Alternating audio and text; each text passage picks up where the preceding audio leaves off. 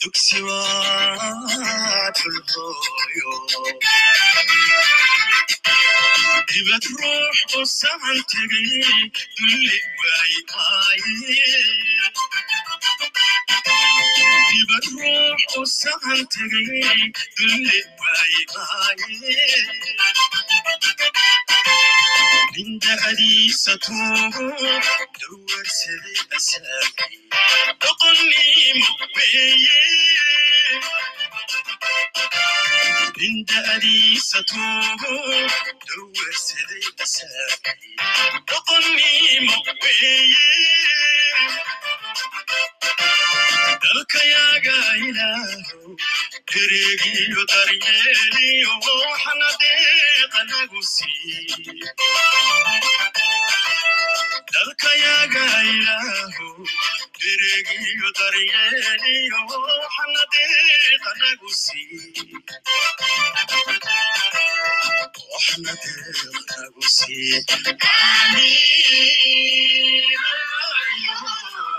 amiin amiin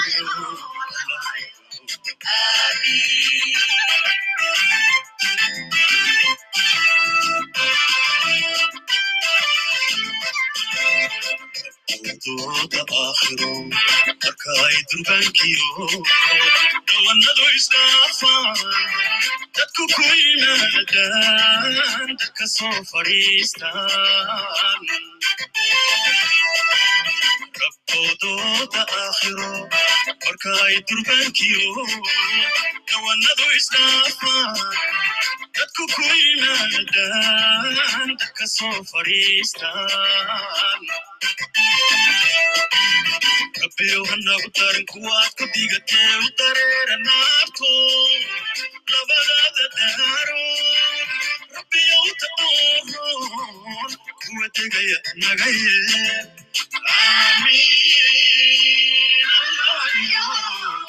amiin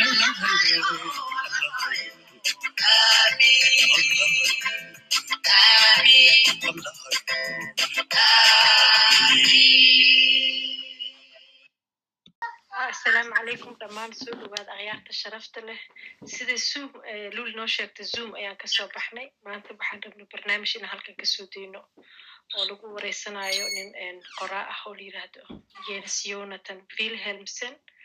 oo qoray book la yiraahdo eye witness to the impossible building trust on three continents. Waa nin norwegian ah oo sagaashan iyo dhowr jir ah oo lul lix iyo toban sano isyaqaano aaba camal u ah sagaashan iyo shan jir marka waxaan ka soo baranaynay khibradihii maaragtay waddankiisa norway.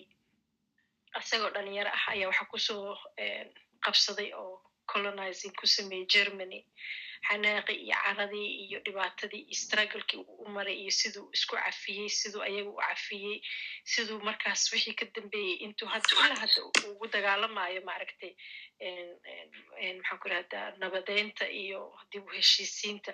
Wallahi lul thank you so much. Wax fara badan ayaan ka barta caawa. Aad iyo aadan kaaga mahadnaq marka buuggiisa heshaa ka sii daran. Caawi caawi shams codkeeda lee maqlaya mana ujeed Ah, shamsi waa ani noo dhexaysaa qaali far waa ku salaame sawirkay salaamay bedelata keliya mayba maba hadde sawir xataa mal waxaa ujeeda adiga iyo aniga iyo cismaan okay. Asalaamu calaykum waraxmatullaahi wabarakaatu soo dhawaada waa sidii shamsas sheegtay waxaan ka soo baxnay sum sumkaasna waxa waaye ulajeedka iyo waxaan ka hadlayna wuxuu ahaa maaragta taariikh nololeedkii yans eh, wuxuu asiga khibrad soo maray inuu nala wadaago maadaama asigoo laba labaatan sano jiro shan iyo toban sano asigoo jira jarmalka qabsado waddankiisa. Waddanka markay qabsadeen marka waxa waaye waa la qaxay. Markii la qaxana exil uu noqday. Labaatan sano asigoo jiro ayaa laga saaray adduunka jarmalka u necbaa dad badanaan ayuu yurub ahaa la qabin. Ah, cusmaan umuudgal dad badanaan la qabay marka asigoo wuxuu dhahay nacayb adduunka san jarmal u necbahay. Baa maaragtay waxaan la kulmay nin ninkiiba wuxuu ugu yiri maaragtay nacaybkaas intaa xambaarsantaa adeena weligaa meel ma gaaraysid. Qolaa marka waxay ugu casuuntuu dhahaa jarmalka ninka hadalkiisa madaxayga ka yeerayo hadduuna ninkaas hadalkiisa madaxayga ka yeeri lahayn maba isku maba laga yaabi lahayn inaan jarmal ku fekero laakiin ninka hadalkiisii baa waday uu dhaha jarmalkaan tegey jarmalkii markaan tegey dhowr sanaan deganaa dadkii aan bartay noloshii aan bartay waxaan arkay dhibaatada ay ku jiraan ay ku jireen. Waxaan dareema u dhaha xaqdarre inay tahay inaan nacayb u qabo. Nacaybkaan sida dhanba inuu gardareyahan u arkay. Markaasu wuxuu ku biiray marka tiimkan nabadaynta. Jaamacad ma uuna aadin sagaashan shan sanuu jiraa norway waa waddan maaragtay laga qaato ceyr ha- hadduu shalay wax baran lahaa wuxuu ka shaqayn lahaa shaqooyin culculus maanta lacag wuxuu qaadan lahaa maaragtay shaqo gab ah oo cajiib ah. Laakiin weligiis wuxuu ka shaqaynayay volunteer u shaqaynay weligiis maruu jermal joogo maruu maaragtay jaban tago sababto dagaalkii labaad ee adduunka quwadihii adkaaday jermalka iyo jaban labadoodaba hawada laga saaray waxaa la yidhi maba loo baahnaba labadan. Isuleydaa laga dhigay. Labadaas waddan sidii loo dunida loogu soo celin lahaa ayay u howlgaleen tiimkiisa u howlgala marka dhallinyaradii ayaga waxaa ku dhacda waxbarasho la'aan. Khibrad way haystaan laakiin waddamadooda horumar ay sameeyeen. Laakiin ayagii marka sharciyadii iyo wixii isbedeleen ayaga waa ku qadeen. Sababtoo ah iskaa u qabsay ku shaqaynayeen ma ayna ku shaqaynaynin hab maaragtay ayagii ay haddow benshin ku helayaan so maadaama qof walba benshin waa la siinaa laakiin kan ugu raqiisan oo ugu gaabana la siinaa oo ah nafta ku celi taa buu qaataa. Laakiin ubadkiisi maasha allahu tacaala allah u daayo ubadkiisibu maaragta wax baray oo ayaga dha wada jaamicadiin oo dad waaweyn oo hadda hawsha asiga u waday ayagaa wada. Waana tiam dhan lix iyo toban sanaan ka tirsan aniga waa faamilkeyga labaad. Norway waalidka aan ku yeesho ka mid yahay marka waxa warkiisa dhan wuxuu ku soo gunaanadmay waa idin siina insha allah bilan iyo adiin imaana cabdicasiis. Warkiisa dhan wuxuu ku soo gunaanadmay ma rabtaa inaa wax bedesho haa adiga nacaybka iska saar. Adiga wanaagga fal. Inta adiga nacaybk kugu jiro noocou raba ha noqde. Eh weligaa qof nooc ma u taraysa adigana waa gaabinaysaa. Hay shamsu sawirka noocaa ka hesha qof walbo dhegaysanaysa aniga qaali iyo shamsaa ka joogna hadda wixii dhegaysanaya kadibna qaali ayadana fikradeeda ha dhiibte ha luuley aniga waxaan ka fahmay sida adigu u fahamtaa anigana u fahmay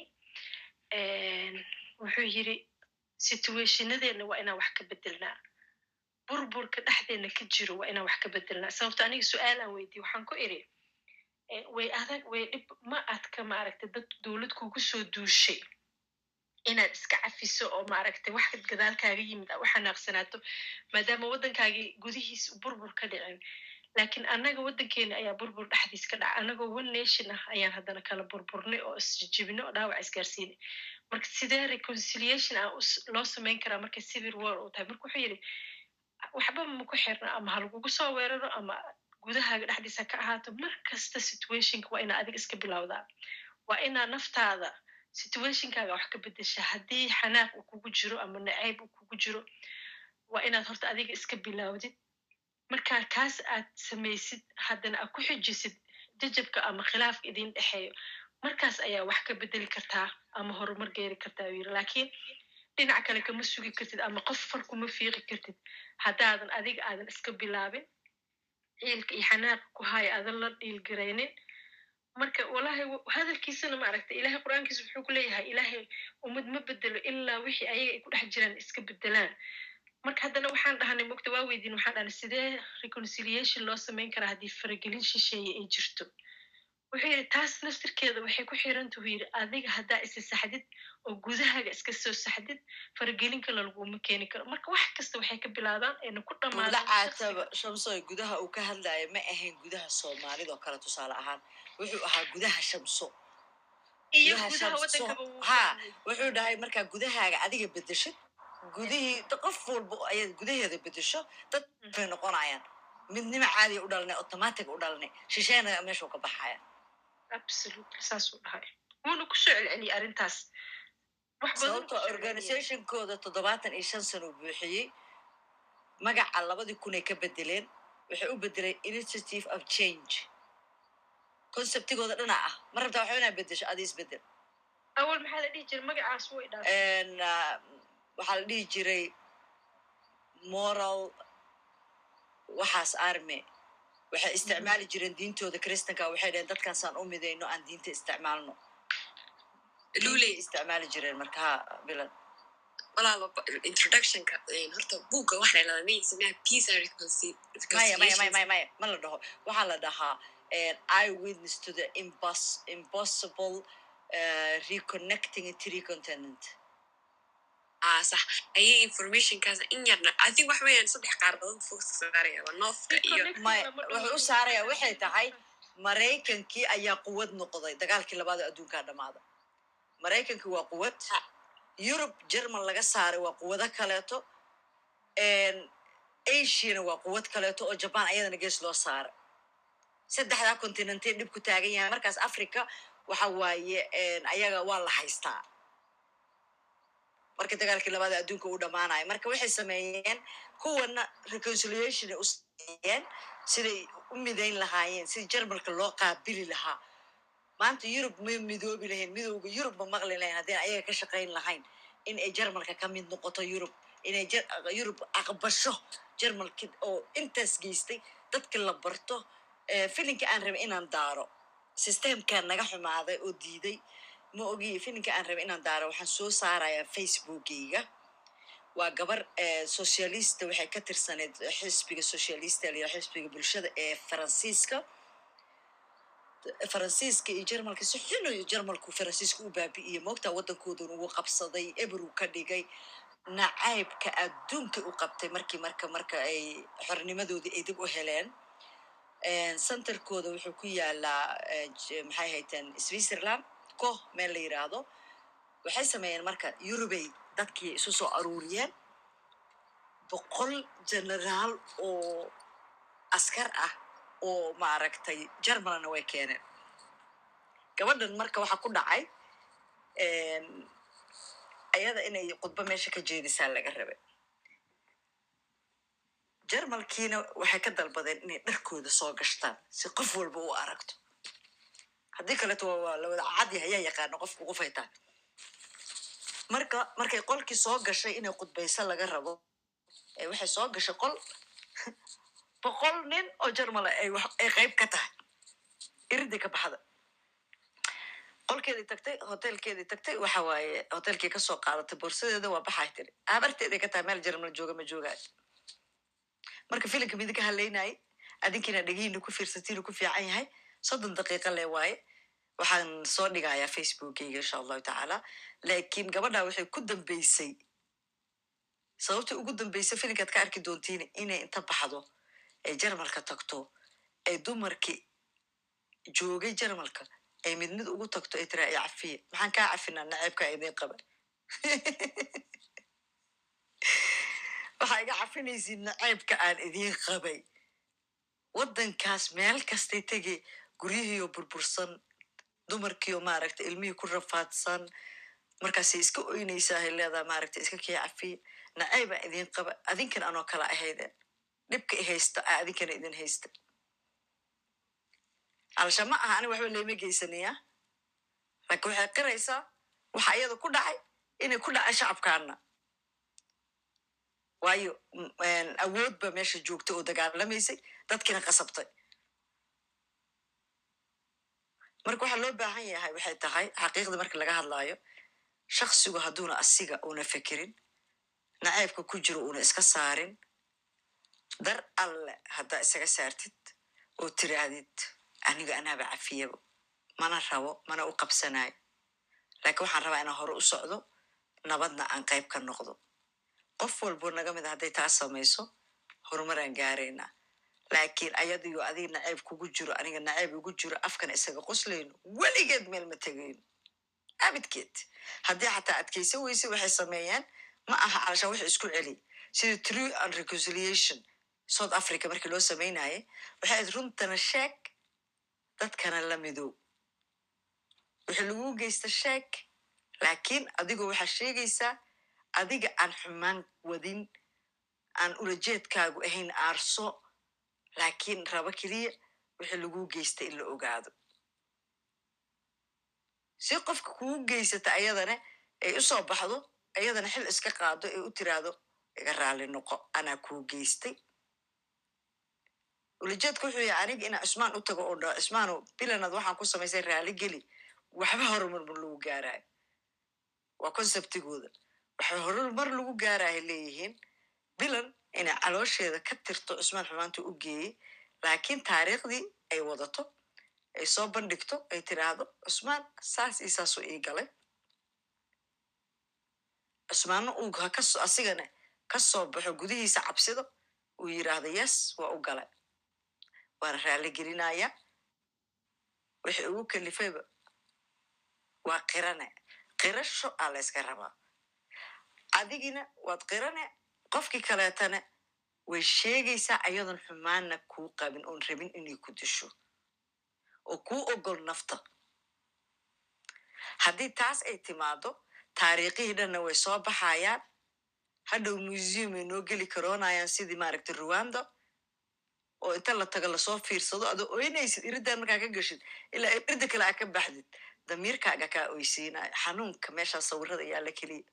Saasay tahane waa ka dhaqan yihiin south africa calaashaa waxaa soo baxaysa islaan wiilasheedii dhan la gowraca iyo gabdhaheedii oo hal xaba loo reebin oo sheegaysa waxa loo geystay generaalka u geystana waa soo istaagaya kadibna xukumaa loo loo diyaariyey ma aha iska cafi keliya sharciyaa loo diyaariyey ciqaabtooda intay maraayaan iyo waxa la siinayo dan asigina waa qirana qirashadaas uu qiranaayo ciqaabtay ka yarayne. Horumar fiicana lagu gaaraa laakiin haddii kaleeto saa annaga soomaali ku jirno weligeed meel ma gaareen. Waxaan dhahaynaa waxa waaye dib heshiisiina la samaynaa kuraasta u qaybsanaa waa. Power sharina la samaynoya laakiin annaga waxaa noola sheegay dib heshiisiina la samaynoya wax soconayo ilaahay abuurta ma laha. Abidkeen meeshaas ma dhaafayno caloosha isugu wada wadnaa xanuun kasta oo ku soo gaaro waa inaad tufi kartid laakiin uu taariikh kugu jirto oo wadatid uu noqdo oo adigana kuu noqoto calaamad. Maanta yurub maxay sameeyaan? Ilmahooday kaxeeyaan markay dugsiga dhexa dhiganayaan. Intay geeyaan? Waxay geeyaan xerooyinkii yahuudda lagu gubi jiray. Foornooyinkaa la tusaa sawiradiyaa yaallo. Maxaa loo tusaa loo samaynaa yayna mar damba tanoo kale noo noqonin waay ha ku cibro qaataan history repeats itself qaado adi xoogaa sawirkaa ka hesha bal ka horta mm, maxaan ku rahdaa waxa soomaalida waxay tirahdaa biyo meel godan bay isugu tagaan sawirka meesha yaalla iyo ujeedada maxaan ku rahdaa uu professorkan uu intaasoo sano ku jira waxa weeyaan peace and recon- reconciliation nabadgelyo iyo maxaan ku rahdaa wadahadal. Marka waxa weeyaan baramka waxa weeyaan nacaybka hatredka meesha ha laga tirtiro qalbigaaga ka tirtir. Ma aha adiga qofkii wax loo geystay keli ah inuu qalbigiisa ka tirtiro nacaybka uu u qabo kii wax u geystay. Kan wax geystay nacayb buu qabaa. Qofkaan ma uusan arkayn whatever the reason was nacayb buu u- dilaayay nacayb buu ula dagaalaya marka kaasina waa inuu nacaybku uu isagana qalbigiisa ka tirtiraa. Horta kow calooshaada sifee maxaan ku rahdaa xanaaqa? Su'aashaan weydiiyaa waxay ahayd maxaad kula talin lahayd? Kuwa weli bulshooyinka ku quudinaya nacaybka weli. Wuxuu yidhi the only thing waxa weeyaan marka ugu horeysa angarka hatredka maxaan ku idhaahdaa waxyaabaha an- an xumaanta wada oo idin horta adigu isnadiifi. Marka adiga isnadiifisid waxaa imaanaya in maxaan ku idhaahdaa en, aad qalbigaaga furtid inaad la hadashid. Wixii ku gaaray maxay ku gaareen ruuxii ku gaarsiiyey? Inaa maxaan ku idhahdaa aad tirahdid okay taasi ani yaad i gaarsiisay way i dhibtay maxaad ii geysay. Qofkaas kalena inuu qalbigiisu u furan yahay waan geystay dhibkaas waana kuu geystay. Waa kaa raali gelinayaa. Aynu wada hadalno. Marka innaga soomaali markaan teena ku apply garayno soomaali haddaan nahay waa la islaayay qabiil baa la isu laayay maxaan ku idhahdaa en, xukun jacayl iyo maxaan ku idhahdaa kursi ceshashaa la isu laayay maxaan ku ummadaha fal- maxaan ku colareda damage dariiqi meeshii kuwii diray dhexdoodii ku jireen loo laayay. Waxaasoo idil baa dhacay waxa weeyaan marka ugu horeysa inaynu inagu isnadiifino. Kii wax geystay uu qalbigiisa nadiifiyo uu yidhaahdo dhulkan waa wada leenahay magac soomaali baan wada huwanahay maxaan ku idhahdaa diin islaam haynu wada haysanaa hal luqad baynu ku wada hadalnaa khayraadkana waxyaabaha kaloo la isu burburinaya naceybka u ka imaanaya waa resourceska isagana. Qofba qof buu ka ceyrsanaya resourciga uu leeyahay aniga aan yeesho in wixii inoo dhexeeyaan aan ogaano aynu wada hadalno. Afka laga yiri ma aha laakiin xagga diinteenana way tahay. Adigu markaaga hore qof yahow isnadiifi ummadayda muxuu yidhi nabigeena alayh salatu wasalaam ummadayda ka mid ma aha. Laba qof oo inta soo cartay sida habeen isu isugu seexatay. Ummadayda ka mid ma aha uu yiri marka waa inaynu diintii macaanka badneed aynu ku salaynaa. Waa inaynu dadnimadeeni aynu ku salaynaa. Waa inaynu soomaalinimadeeni ku salaynaa. Inaan isnacna ma aha qof qof duulaan ku ku ah male ilaahay baa dhulkan ina wada dejiyey khayraadka yaalla ilaah baa ina siiyey inaynu si wadajir iyo walaaltinimo iyo kalgacayl uu ku jiro inaynu waxaynu u wadaagno u qaybsano dhulkeenu u dhisno ninka ajnebiga ah ee imaanaya ee la waxbaan kuu qabanaya ujeedadiisu waa resourciga maxaan ku raha hadalkiisana ka mid bay ahayd africa waxaa loo tegaya waa resourciga buu yiri marka taasna inaynu ku darno maxaan ku rahdaa xisaabta inaynu dadnimadeenna dalkeenna manaafacaadkeenna aynu ilaashano u midowno walaalo u noqono intaas intaas anigu aan ka faa'iiday maxaan ku rahdaa maanta hadalkiisii maasha allah tacaala aada umahadsan tahay waxaan rabaa mataqaanaa ha bilani waa ku siinaa iisug waxaan rabaa hadda inteena joogto wax walba meelay ka bilowdaan adigoon xumaan qabin dagaalkii waddanka ma joogtay horta ka jawaab haddaad joogto xilligee? Xilligaas adig waxaa arkaysa saameyntay kugu yeesheen. Bilan soo dhowo horta su'aashaan intaan u gelin maanta dhanaan sugay i think waqtigaa iga khaldamay profesorka uy dhaafay. Miya maya dhib baa nagu dhacay waxa waaye. Club house taleefanadii oo dhan ma ogolo androidki waa loo soo daayay laakiin la- tobankii laba qofood buu nag u diidaya lixdii si kastaan yeelnay wuu u diiday tagta lixdii barki waxaan go'aansanaa marka inaan zoom geyna asiga twitterkan soo geliyey facebookan soo geliyey linkiga si qof walba maaragta ee halkaas uga aragto so wax kale ma samayn karin markaan ka soo dhammaanana waana kanaha maaragta marka su'aashii gal aan weydiiyey bilan su'aal baan ku weydiiyey ha intaan xaqiiqda kuu sheego waxaad tiri qof ma joogaa civil work experience gareeya waa tiri aniga de ahaan shirkii carta ayaan dhashay maan joogin civil workii aniga waxaan ahay soomaali waqooyi hargeysa aan deganahay laakiin soomaalida taariikhdeeda aad baan u baadhaa aniga syllabuska somaliland eh, kuma jirto taariikhda soomaali weyn lama dhigo waa la qariyaa mean? Waa very Ah. rigid wax yaree ko kooban. Adu intii waxa lagu dhigayaa un uh, I think taliskiisiya bere intuu qabsaday xukunka uma wax yaroo kooban lagaaga dhigaya you know they focus on the second world war the first world war the conflict middle east waxaasoo dhan ayay focus ka saaraan aniga bilan ahaan eh, sannadkii hore labadii bilood ugu horeeyay ayaan natiijo tegey just inaan soo ogaado experience research aan sameeye dagaalkii ah, civil warkiisu ku dhacay waxyaala badan adi dad badanaa warwareystay ilaa hadda waan baara abwaag badanaa isku day inaan akriyo you know insha allah futureka waxay u ilaa haddeer tasawurkee kuu baxay marka wallahi waxa iiga boqota soomaaliya ina aad u kala burburtay anaga waqooyi haddaan ahnay i always feel the pain of in dadka reer muqdisho jooga maanta la leeyahay mucaaradka ay yidhahdaan oo kale mudaharaad ka jira waxbaan sameynayna i feel like in wax dhacayaan oo kale saan uga warwaro malemis you know what i mean dhigayga mar walba waxa dadka soomaaliyada wallahi saan ugu danqado malemis anagu hargeliya hargeysana adaa ku marka anaa hargeysa jooga maanta haddaan runta ku sheego xabad iyo waxaas ma ka jirta laakiin markay yidhaahdaan ragga mucaaradka you know what I mean. maalmihii dhowey toole abril wixii dhacay rabadaantii oo kale i was feeling very sad wallahi been ku sheegi maayo waxaan islaa waddankan maxaa haysta maxaa ka jira dadkan maxay isku haystaan why? After thirty years of civil war. In la yidhaahdo ilaa maanta after thirty years civil war yaan odhan after thirty after la hadda khilaaf jiro la hadda qabiil iyo isbahaysi colaadeed lagu jiro maxay soomaaliya la degi laadahay siyaasadeeda waan isweydiiyaa mar walba wallahi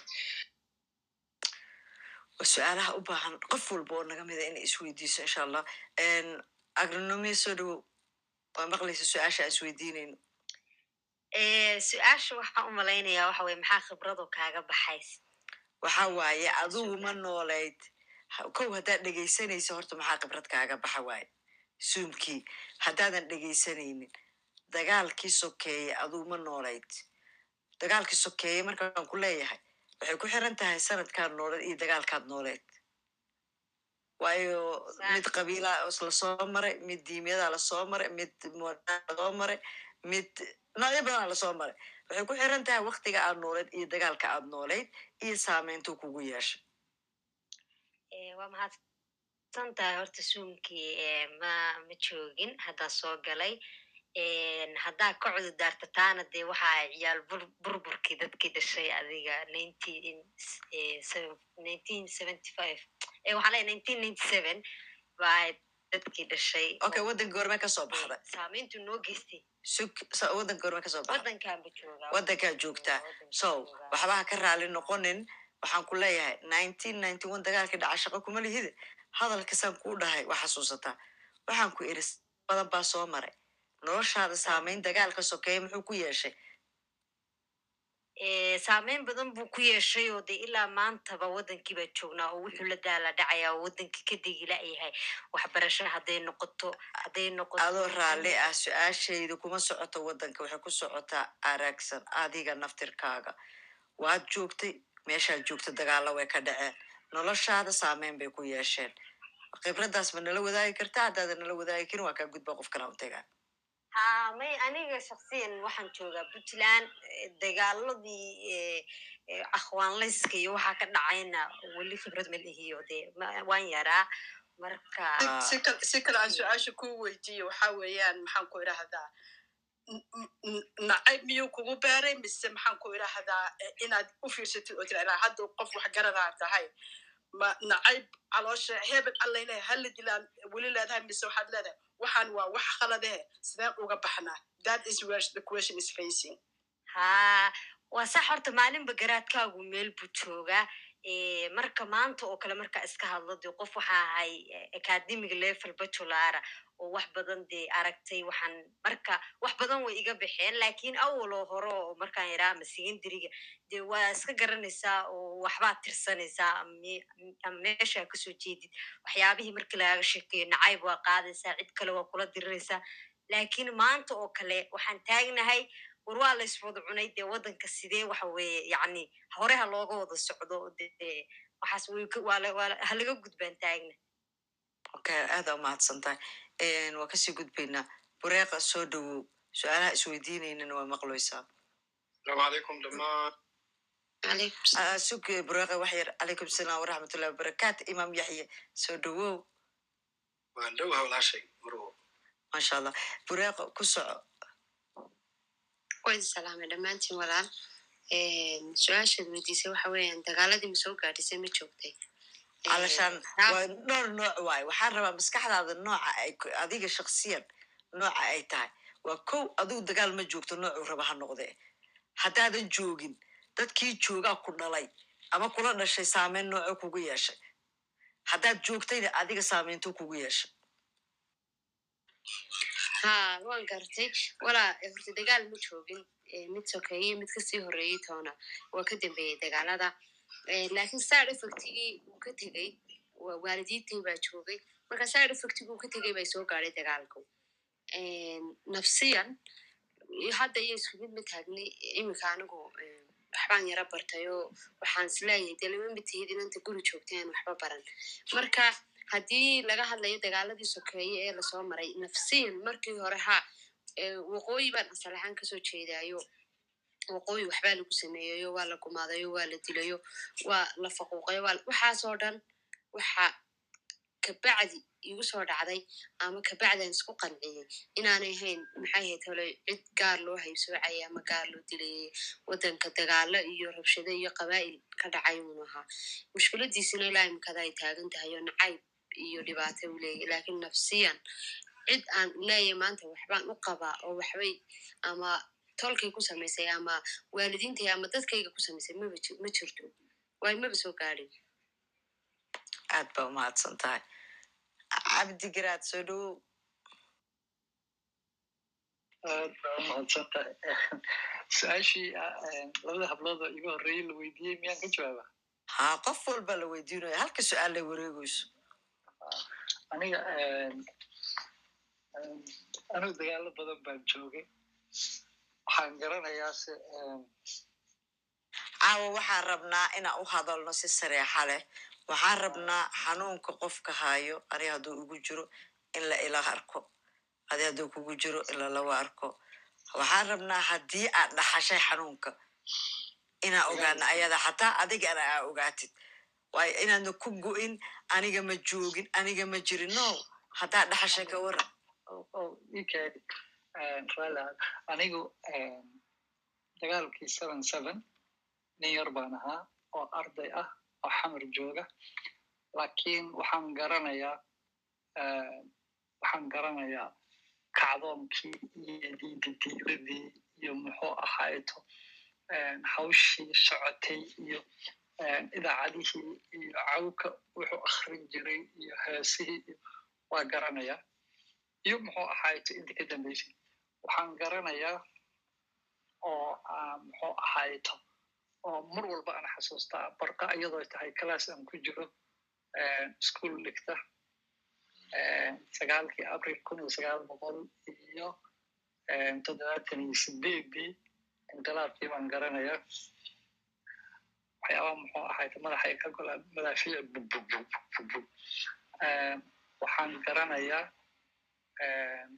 dagaalkii sokeegana waa garanayaa aniga oo saamaynta igu yeeshay haddaan u gudbo aniga oo u socda anu markaas waa waa shaqaynayay. Sarkaal baan ahaa ciidanka xoogga dalka soomaaliyeed dagaalku markuu dhacay dagaalkii u dambeeyey dagaal dagaalka sokeeya wuxuu soo bilowday akhirkii sideetanaadkii laakiin kii u dambeeyey muxuu ahaayeto dagaalka sokeeya muxuu ahaayeto asliyan loogu abtiriyo aniga oo oo nin dhalinyaro ah shan iyo labaatan sano jira raba gabar inuu guursado u socda maraykanka tababar u socda ayaa dagaalkaasi dhacay tababarka markaan aadi lahaa oo saaxiibaday iyo raggii baxeen. Anigu waxaan rabay gabadha aan rabay inaan guursado inaan muxuu ahaayeto israacno oo isa sii raacnaan rabay marka tababarku wuxuu ahaa laba sannadood. Marka sanadka hore sanadka dambe iyo faamilada loo keena muxuu ahaa faamilada loo keena. Marka qofka loo keena muxuu ahayd familkiisa loo keena like sanadka hore looma keeno. Marka familiska will join muxuu ahayd next year. Marka aniga waxaan rabay labada sanaba muxuu ahayto inaan gabadhan guursan rabay oo mar inta isguursano horey ka baxno. Odha marka waxay haystaa bassbort kenyati ah intuu igu yeeshay meeshii ugu horreysan kuu sheegaya bassbort kenyati haystaa ana mid somalian haystay marka waxaan ku dadaalay in aan viisa u helo viisaheedana waxaa automatical ay helaysaa sanadka dambe laakiin hadda viisaheeda inaan qalqaalin marka viisaheedii baan qalqaaliyey niman maraykanoo aan wada shaqayno yaa igala shaqeeyey waxaa la yidhi bassbortkeedii soo qaad bassbortkeedii baan ka soo qaaday keygiina waa qaaday safaaraddaa la geeyey iyada oo berri miyaa maaqaan mise talaadada miyaan ballansanayn mise maaqaan arbacada maaqaan inaan viisayaashii soo qaato axaddii dagaal ku dhaca horta safaaradiina waa la xirtay maaqaan isniintiina waa guureen miya mise mise waxay guureen? Safaaradda maraykanka waxay guurtay wax alaaliin oo documenti waxay dad wax ka haysteen waa la tagtay ama waa daadis? Aniga horta muxuu ahayd ko waxaa noqday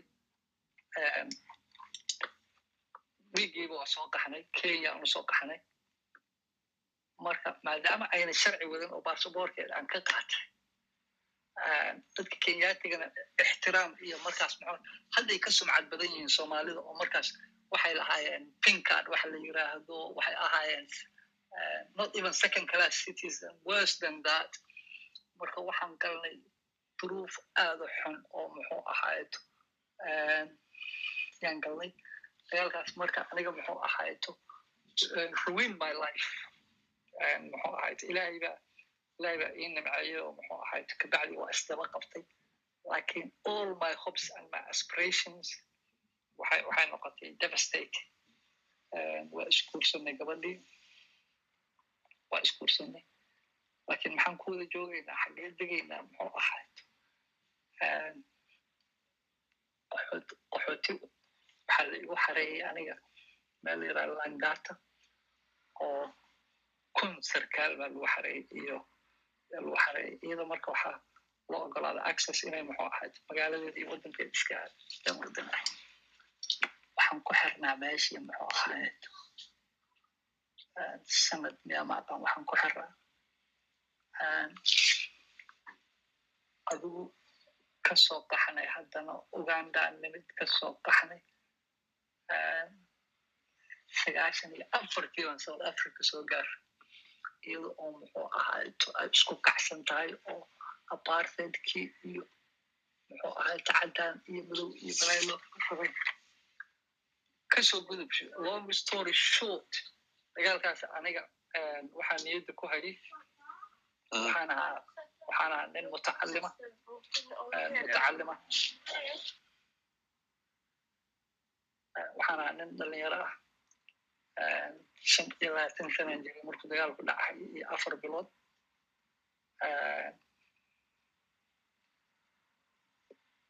waxaan ahaa sarkaal waxaan ahaa master of military arts and science waxaan ahaa so bright waxaan arkahay future waxaan islahaa muxuu ahaayeto waxaad noqon doontaa future leader maaragta that was muxuu ahayta aspiration iyo hobska aan hay not only inuu iga kala daadiyey waxaan lahaa saaxiibo waxaan lahaa it's hard to see muxuu ahayd adduunka sidii qof dhashay oo kala noqday oo soo bilow all over muxuu ahayd again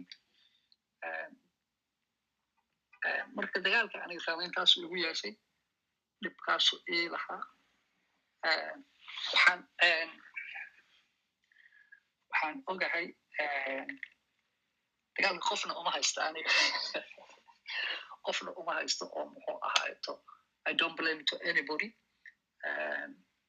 waxaan rabaa inaan ku daro hal example inaan ku daro oo sababta aanan qofna uga haysan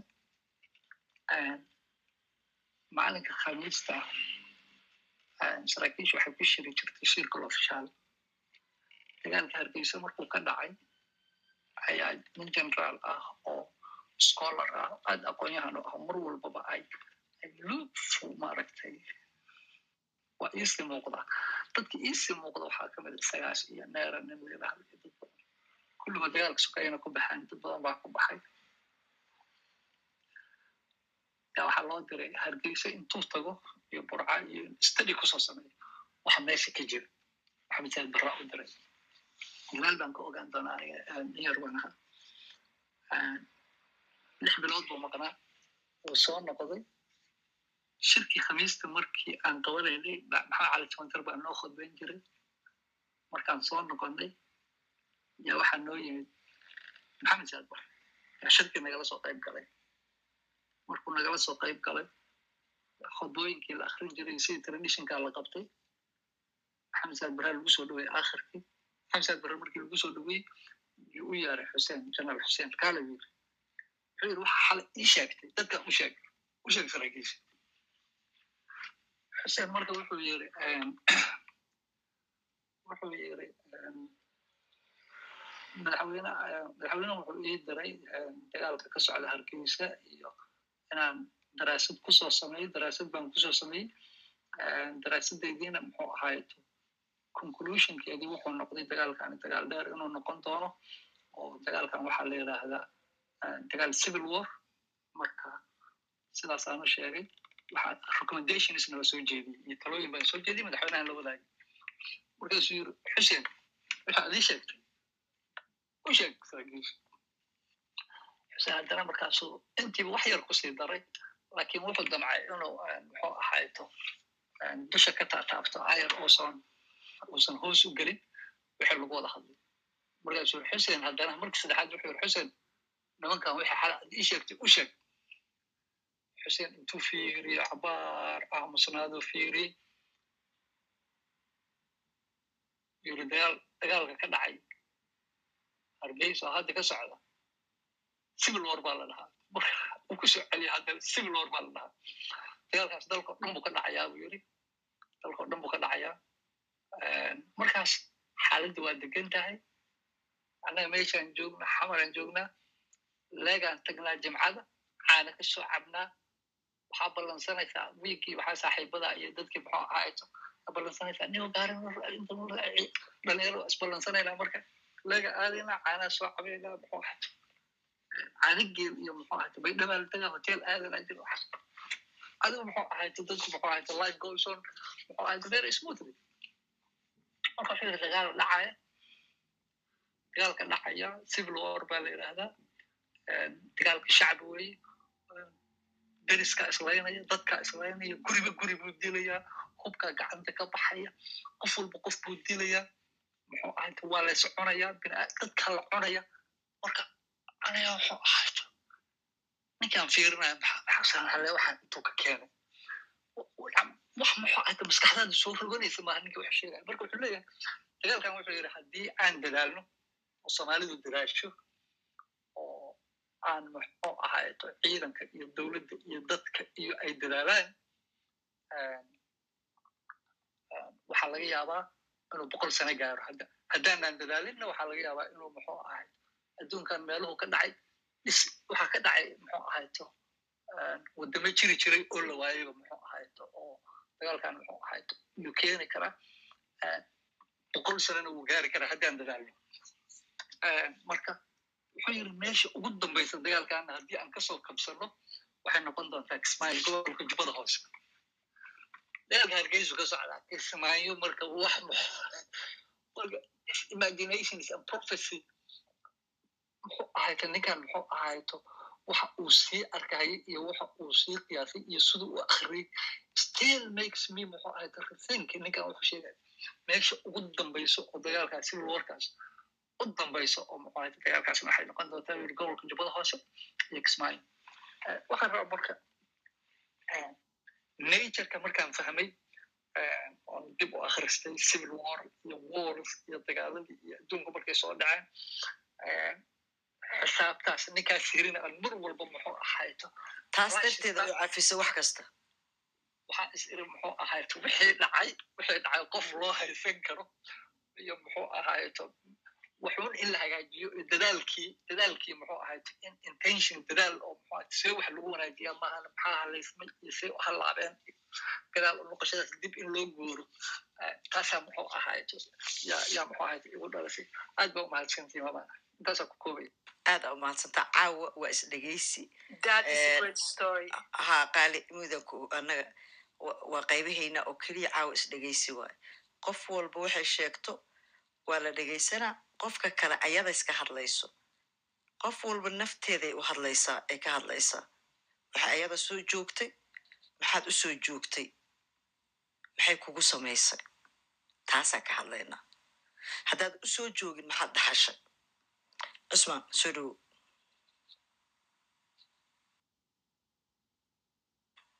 cusmaan ma nala joogtaa okay buuhoodle muudka ka soo bax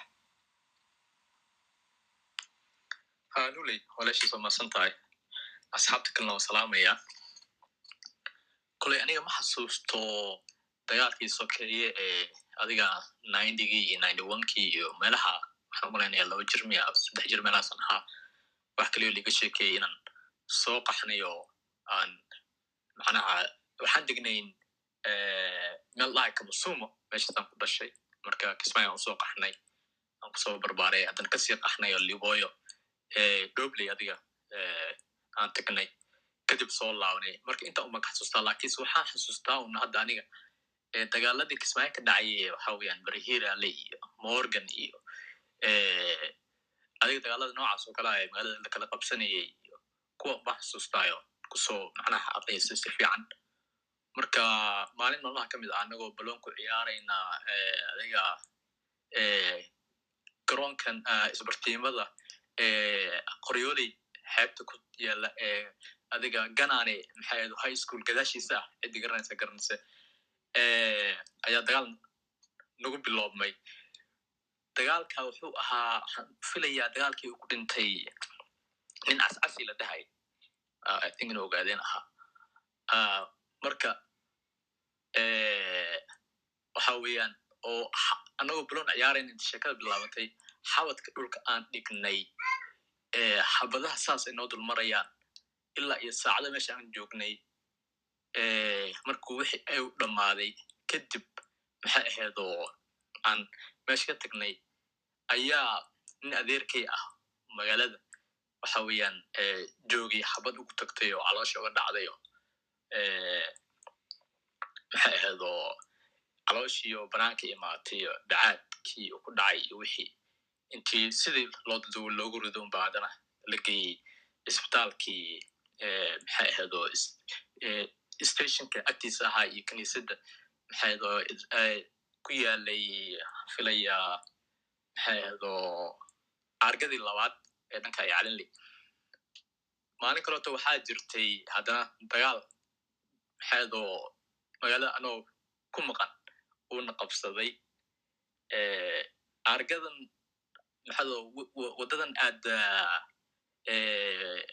warshadda ama warshadaha maxay ahayd oo waxa weeyaan farajana iyo kala qaybisa maxay ahayd baar uwaxmeed adiga magaalada inuu daa ugu dambeysay waxaa ku yaali jiray dukaan la dhahayo saliidda keliya lagu iibin jiro waxaa la dhihi jiray yaabsdiid yaabsdiid marka dukaankii baa lagu hor qabtay mogtahay intii magaalada soo galay anigoo xaafadda ka gaarsiiya isle xabadana ay kor marka wax- waxaan xasuustaa kabaha liga siibay oo buudkii qorigu ninkii igu garaacayo marka adiga waxyaala noocaas oo kale aan ka xasuustaa inta adda dagaalada aan xasuusto eh, maalin kaleeto haddana anagoo masaajid ku tukanayna jimce ahayd maanta masaajid calinley ah oo marka waxa weyan jimcada marki la gaaro masaajidkana wuxuu aha masaajidka calinley isbitaalka ka dambeeyey ee maxadoo beerta xorriyadda horteeda ahaa ama gadaasheeda beerta xorriyadda beerta xorriyaddii waxay u dhexaysay waxaan u malaynayaa masaajidka iyo stationka saldhigga dhanka kaleetana waxaan u malaynaya inay kiniisadii haa ku taal marka dagaal baa idin nagu biloobmay eh, marka dagaal saas u biloobmay magaaladii jamcay ahayd aan iska soo shaaheynanay jimcadan saas talada uga soo baxnay bes gaari meesha saarnaayo caasi ahaa baa ku bood maxaa ido aan ku- booday mogtahay bes gaarigiis magaaladu waa laga qaxaybo oo wuu nala baxayo magaaladu naga saarayo ilaa waxaan aaday oo aan tegay is waxa weeyaan eh, af- afmadow adiga saddex beri afar beri baan magaalada ka maqnaa oo reerka ay raadinayeen. Marka eh, waxyaala noocaas oo kale ah oo macnaha dhalinyarana waa iska ahayo fudeedna waa jiray eh, oo dagaaladii sokeey dagaaladii adiga maxadoo ka soo sokeeyey dagaalkii weynaa ee waxa weyan ninety onkii ninety twogii waxyaalaha dhacay. Intaa uma ka xasuustaa kolley shaksi ahaantii aniga hadda cid aan maxay ahayd oo qabiil haddii ahaan leed iyo cid gaara haddii ahaan leed aan maxay ahayd oo u cuqdadeysnahay hataa ninkaa eh, qoriga baadkiisa igu garaacay ma garanaya hadda inuu nool yahay inuu dhintay lakiinse waxa weyan sheekooyinkii dhacdooyinka noocaas oo kale oo kugu abuur adiga ku- kaaga tegaya xasuus ayaa jira waxyaalihii weli kismaayo maad joogtaa kismaayo maad joogtaa qurbaha maad joogtaa kismaayo way a uga tagtay xaggee ku dambeysay maxaa ku qasbay mayme kismaayo dhibaata uguma soo tegin waa soo dhoofay un iyadoo maxay ahayd qolooyinkan afka duwan aysan qabsanin baan ka soo tegay aniga oo maamulka iyo wax hadda meesha ka jira aan la dhisinba marka waxa weeyaan kismaayo ma jooga hadda waa waddanka in muddo ay ku dambeysay aada umahadsan tahay waa kaaga mahad celinaynaa taariikhdaada aad nala wadaagtay gabadhuux soo dhow abwaana mana maqle okay waa u soo noqon doonaa dadka waxaa laga yaabaa shaqooyin inay ku jiraan ayaga maalina u tahay qamaan soo dhow safi ku socotaa muud ka soo bax ha maanta waa sheeg yaraa ka soo baxay waddanka runtii wallahi ma xasuust dhibaatooyin ma xasuusti laakse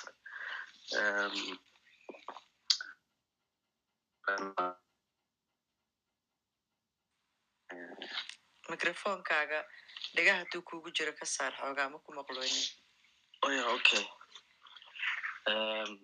had mi maqlaysaan si fiican ku soco wallahi historyyaasha waan dhegeysanayay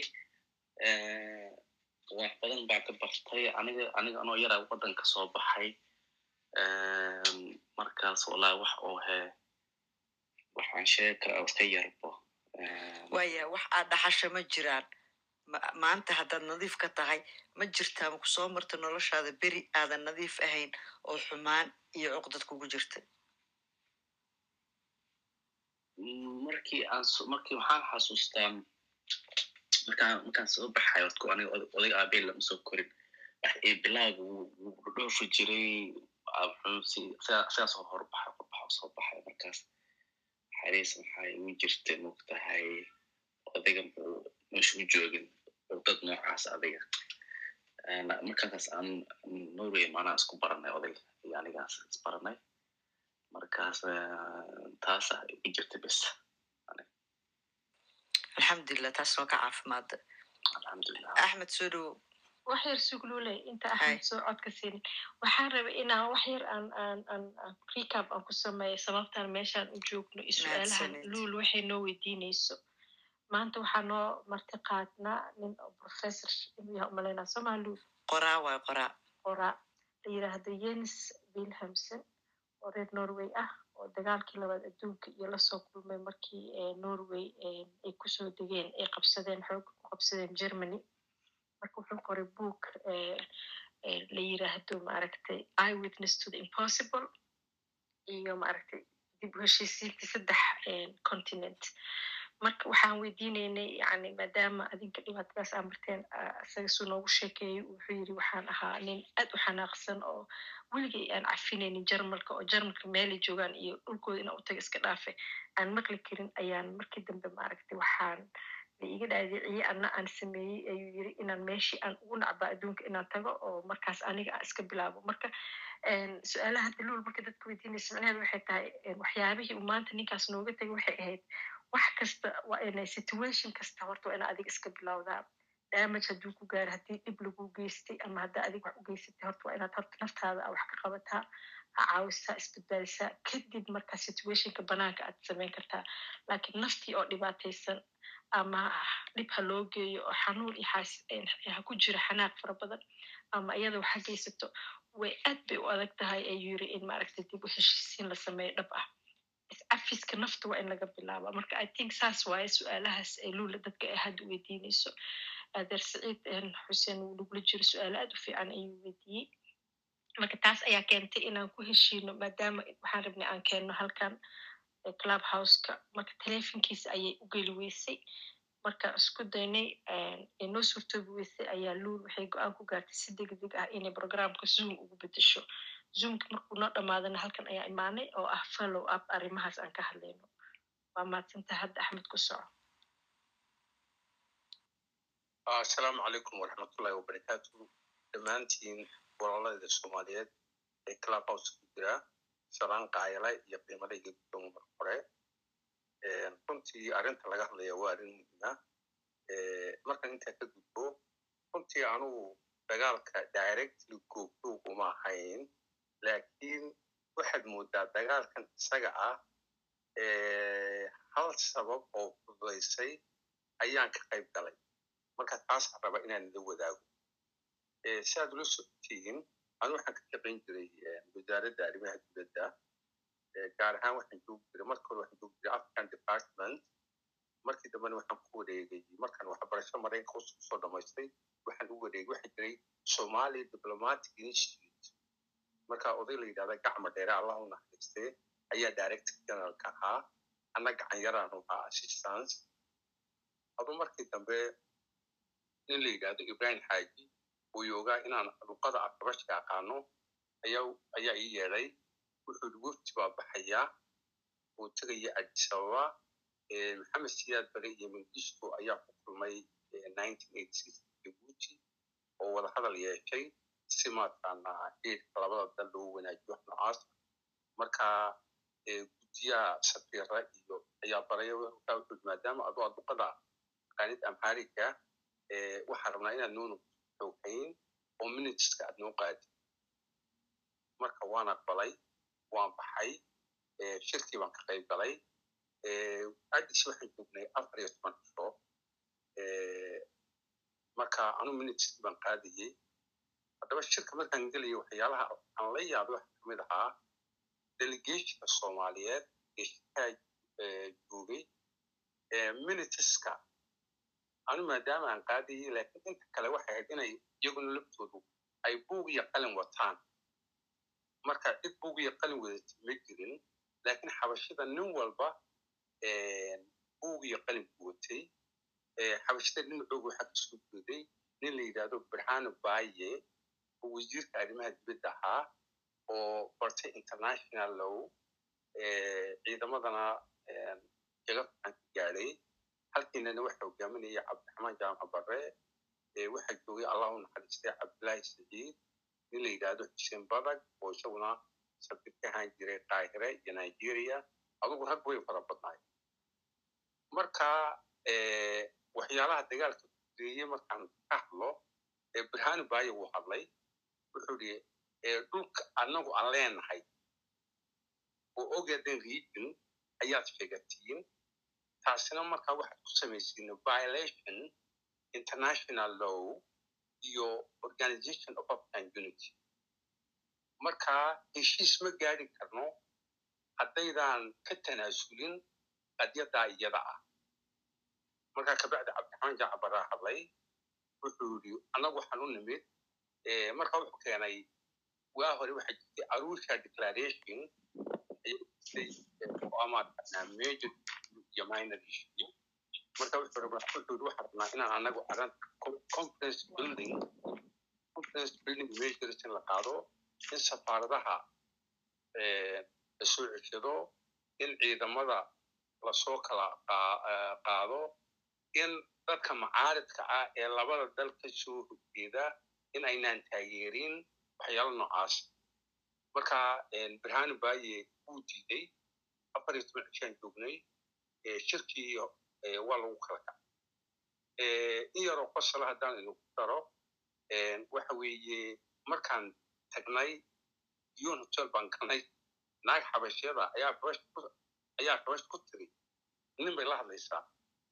Anigay sheegaysaa waxay tiri ninkan isaga ah ethoobiyan buu egyahay marka waxay tiri weliba xabashada cascas buu egyahay marka aniga waan yaabay oo responska aamus calaayi xaal shirki wuu fashilmay waan soo noqonnay magaaladii xamar baan airportkii baan ka soo degnay marka waxyaalaha aan la yaabay waxaa ka mid ahaa ee aan la fajacay oo aan dareemay dowlad dowladnimada soomaalidu inay inay maataqaanaa daciif tahay ay weak tahay.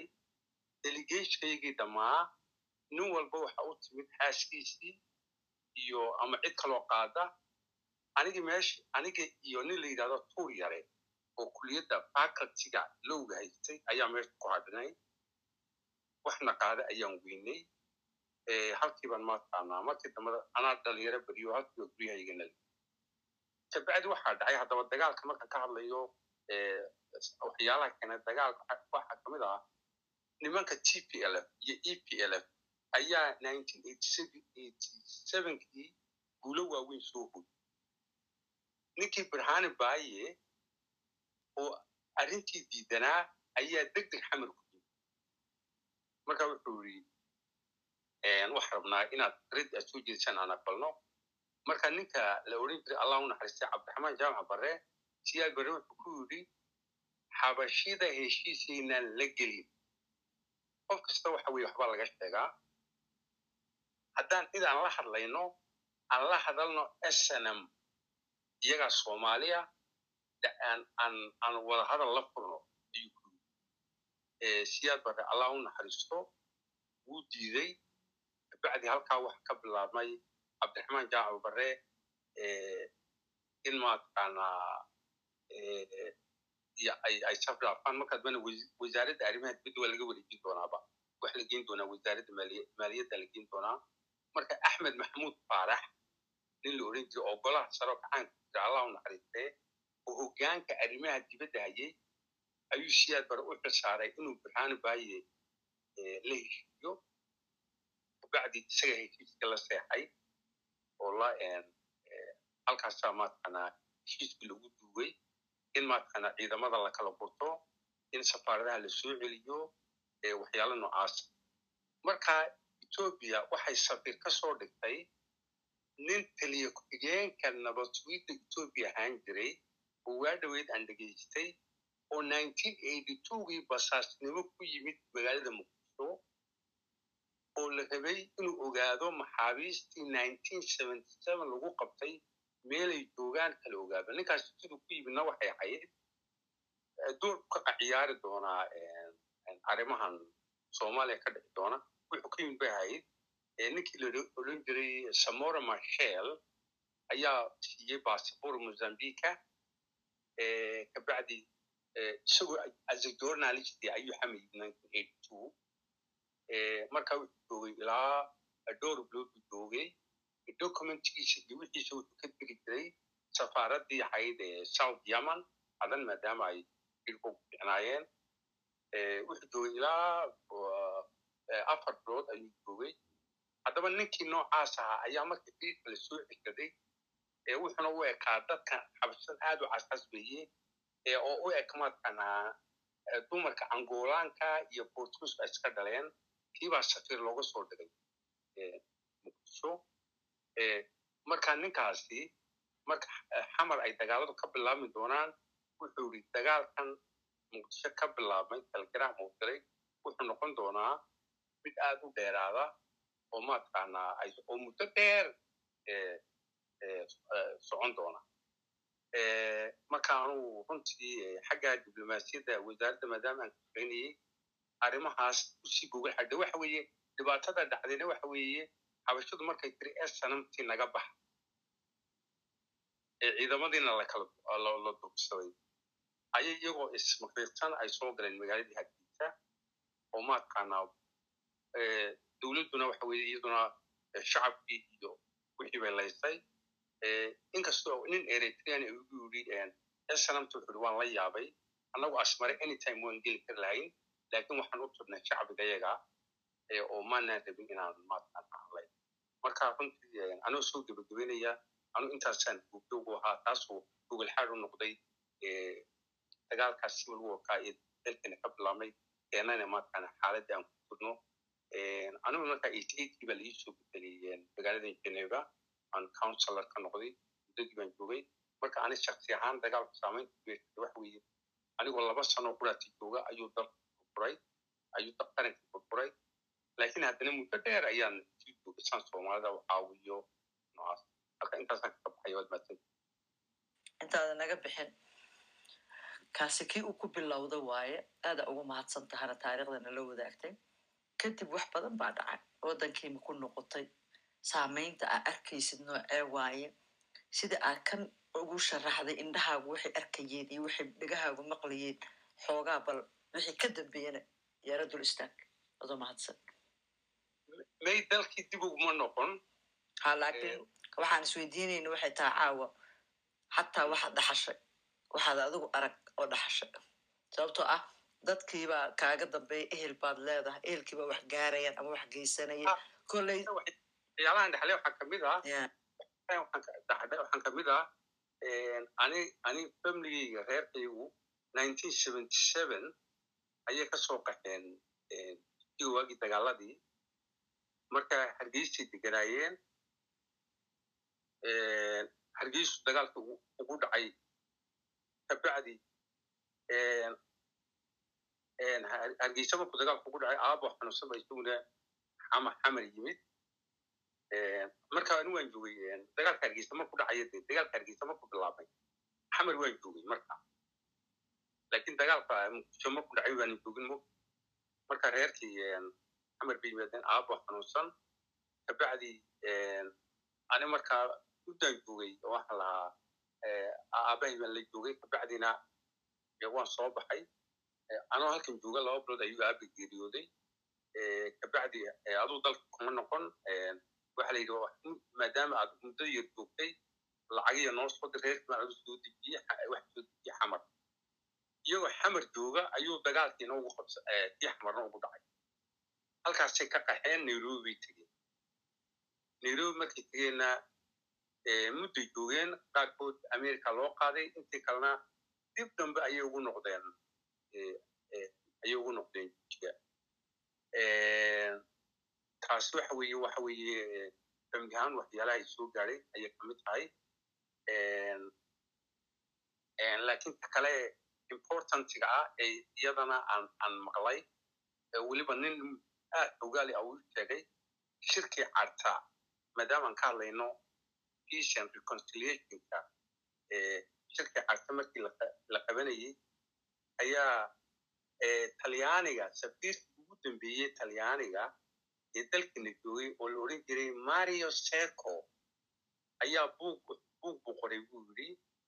Buuggaa aftalyaaniga ku qoran yahay. Anuu aftalyaaniga ma aqaano runtii laakiin wuxuu yidhi buuggaa waa naqdiyey ninka ii sheegay waxa weeye waa cabdiqawi cabdiqawi ninkan international court of justice madaxka oo halka ka shaqayn jiray oo joog jiray unctad united nation trade and development qaybta lowga ayuu markaa haystay marka wuxuu ii sheegay nin mas'uula oo soomaaliyeed ma raba inaan magacaabo ayaa wuxuu arkay wuxuu la kulmay mario seka marka ninkaasi muddo badan ayuu ahaa wasiir marka wuxuu ku yidhi markuu arkay wuxuu ninkan dowladdiisa way dhacday marka seko wuxuu waxaan ugu tegi inaan u tacsiyadeeyo aan waan ka xumahay dhibaatada ku beeshay dowladdaadi way dhacday marka aad iyo aad baan ugu xumahay marka ninkii wasiirka muddada dheer ahaan jiray jawaabtiisii waxay noqotay ma aniga dowladdeyda ma dhicin hataa dowladdeyda la samaynayo. Marka seco uuga commenti buu ku qoray au leeyahay hebel hadduu saa u hadlay dagaalka soomaaliya ka socdaa mid joogsanaya maaha wuuna dheeraan doonaa. Intaasuu qoray intaasuu committiga marka fallada uu bixiyey mario seco ee a dagaalka inuu socon doono muddo dheer uu socon doono dee way dhacday arrintaas dhacdadaasna way dhacday marka intaasaan aad iyo aad baa u mahadsantaha axmedo gabadhux hadda mana maqleen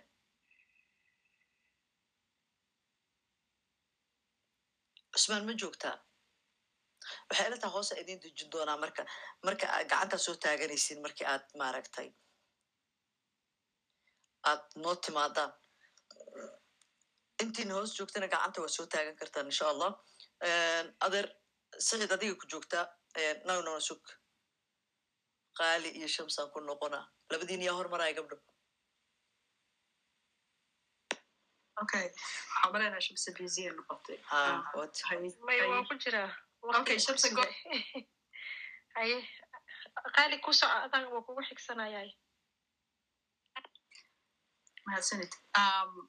runtii waxa weeyaan qofba sibu kale laakiin maantay sheekada aniga dhegeyga ku cusub oon maqlay waxa weeyaan saadaasha dagaalka ka dhacay yaa ka dhacaya waddankeena saadaashiisii laga sameeyey.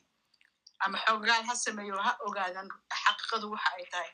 Ama indhergaradnimo ha lagu tilmaamo markii la arkay boogta ummadda soomaaliyeed wada dhex taala marka waxa weeyaan walaalaha halkan ku jira waxaan u soo bandhigaynaa inaynu ka hadalno inagu inaynu iska bilowno inaynu boogta dhinaceena ka daaweyno. Waxa nacaybka la yidhaahdo qalbigeenna iyo caloosheenna iyo maskaxdeenna intaba aynu ka tirtirno aynu soo dhoweyno ah, wa- walaalaha iyaguna maxaan ku idhaahdaa aan haddaynu u arkayno iyaga fidna walayaasha inay yihiin inaynu dhahno maxaan ku idhahdaa waxaynu joognaa waktigii aynu boogaha dhayan lahayn. Soddon sano waynu soo huraynay. Soddon sanoo dambe kuma dari karno. Waxaan halkan ka hadlay dhalinyaro aad u fara badan oo ama markaas wax yaryar ahaa ama kadib ab dhashayba maxaan ku idhahdaa oo ilaa hadda aan maskaxdooda xataa cabiri karin waxa ku jira iyo waxa ay dareensan yihiin. Wixii loo sheegay kind confused um, situation ay ku jiraan. Marka si aynu awlaadaas maxaan ku idhahdaa intaas kadib dhalatay aynu qalbigooda wanaagga iyo samaha ugu abuuri lahayn. Innaguna waddan inaynu leenahay aanu u arki lahayn inaynu qalbigeena inaynu isu calool furaano waxaan ka codsanayaa dhammaan inta hadda club houseka ku jirta. Idinka oo aad u mahadsan. Please and please calooshiina furay. Qof walba waxaad dareemaysid. Waxay inoo tahay halkan maxaan ku idhahdaa therapia inoo tahay. Let us talk. Start from here waa is dhegaysanayna laakiin qaali adigan ku rabaa su'aasha inaa ka jawaabtid qof walba oo naga ah. mid a ka jawaabaysa so su'aasha waa ina ka jawaabta anina igu imaa doontahay okay su'aasha sidaan ka jawaabo aniga markii hadda civil war ku dhacayay waddanka ma joogin iyadoo dowlad inoo dhisan tahay oo dal xora oo maxaan ku idhaahdaa markaan ku leeyahay xor qaran waynu haysanay laakiin midda xornimo la'aanta aan ka hadlayo waxa weeye maskaxda ay baabaaday. Nacaybka u dhashay waddankii ma joogino oo waan ka soo tegay intaan dagaalku uusan dhicinin saamaynta igu yeelatay waxa weeyaan soomaali baan ahay. Dhulkaasaan ku dhashay. Dadkayga ku wada dhasheen. Dagaalkii dad badan baa iiga dhintay maxaan ku idhahdaa waa ku kaftama marka qaarkood marka la qaaliya xamar maa ku soo noqoto. Hadda guriga kuma lihiya xaggeen ku soo laabtaa baa idhahdaa. Marka waxa weeyaan saamaynta igu yeeshay waxa weeyaan aniga to be honest cuqdad ma qaadin. Waayo markaan reer xamar aan ahaa qof walba saaxiibkay buu ahaa. Saaxiibkayna ma nici karo. Maxaan ku rahdaa qabiil kuma doorsan karo maxaan ku rahdaa gabar ama wiil aanu bacaadkii ansalota aan ku wada ciyaari jirna ma dhahi karaayo. Waayo iyaga khaladkoodii ma aha. Laakiin saamaynta igu yeesha waxa weeyaan inaanan ku dhiirin karin maanta magaaladii muqdisho. Aan ku lahaa. Um, wax walba sheeka igu ahaayeen familkay waa ka soo tegay keligay baa halkaan joogay markii dagaal ku dhacay aan ku ooyi jiray markii habeenkii dadkii aan telefon aan kula hadlo ama la iisoo sheego qumayaan ahay maxaa meeshaan ikana dadkayga wax la qaybsan lahaaye marka waxa weeyaan saameyn aad u weyn buu igu yeeshay oo ah ma aha nacayb ma nicin qofna i don't hate anybody laakiin saameynta igu sh- igu yeeshay waxa weeyaan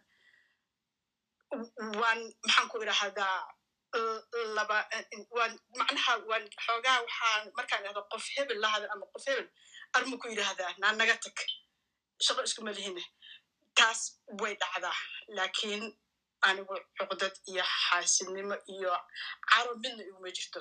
Laakiin midda igu jirtaa waxa weeyaan sideen maxaan ku idhahdaa soomaalinimada ugu wada noqon lahayn. Aada u mahadsan tahay waxaan samaynaynaa maadaama annaga aan nahay moderatadii aniga shamsi iyo qaali dadka kale aan u gudbaynaa markii laga soo dhammaado inta hadda gacanta taagataba annaga qofkeena dhimana hadlaayo. Mawlid soo dhow.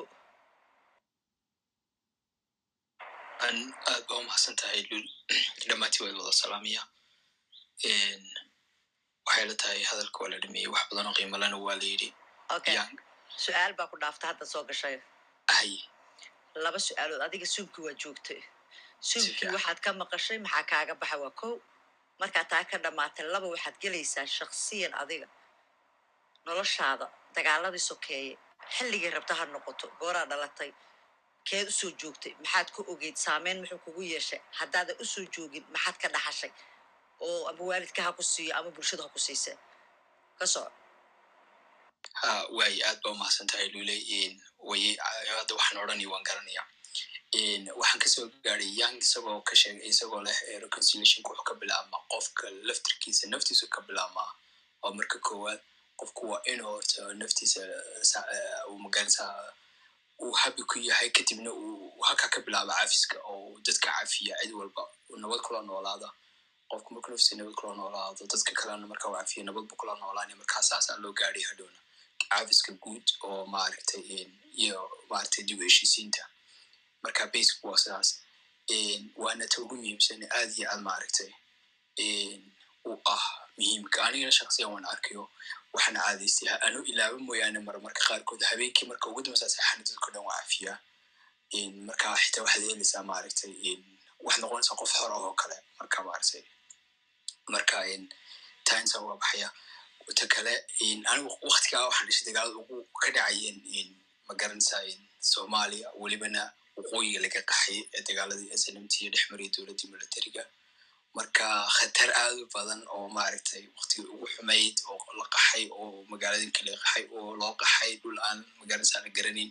way iyadoo aan markaa una dhashay la yaqaaday dhegee dhulka maaragtay oo cunto iyo biyo iyo haraad iyo wax walba leh dad badan runtii dhinteen kadibna qoxuntiyadii la tegay qoxuntiyadii waxay lahaayeen maaragtay gaajo badan bay lahaayeen.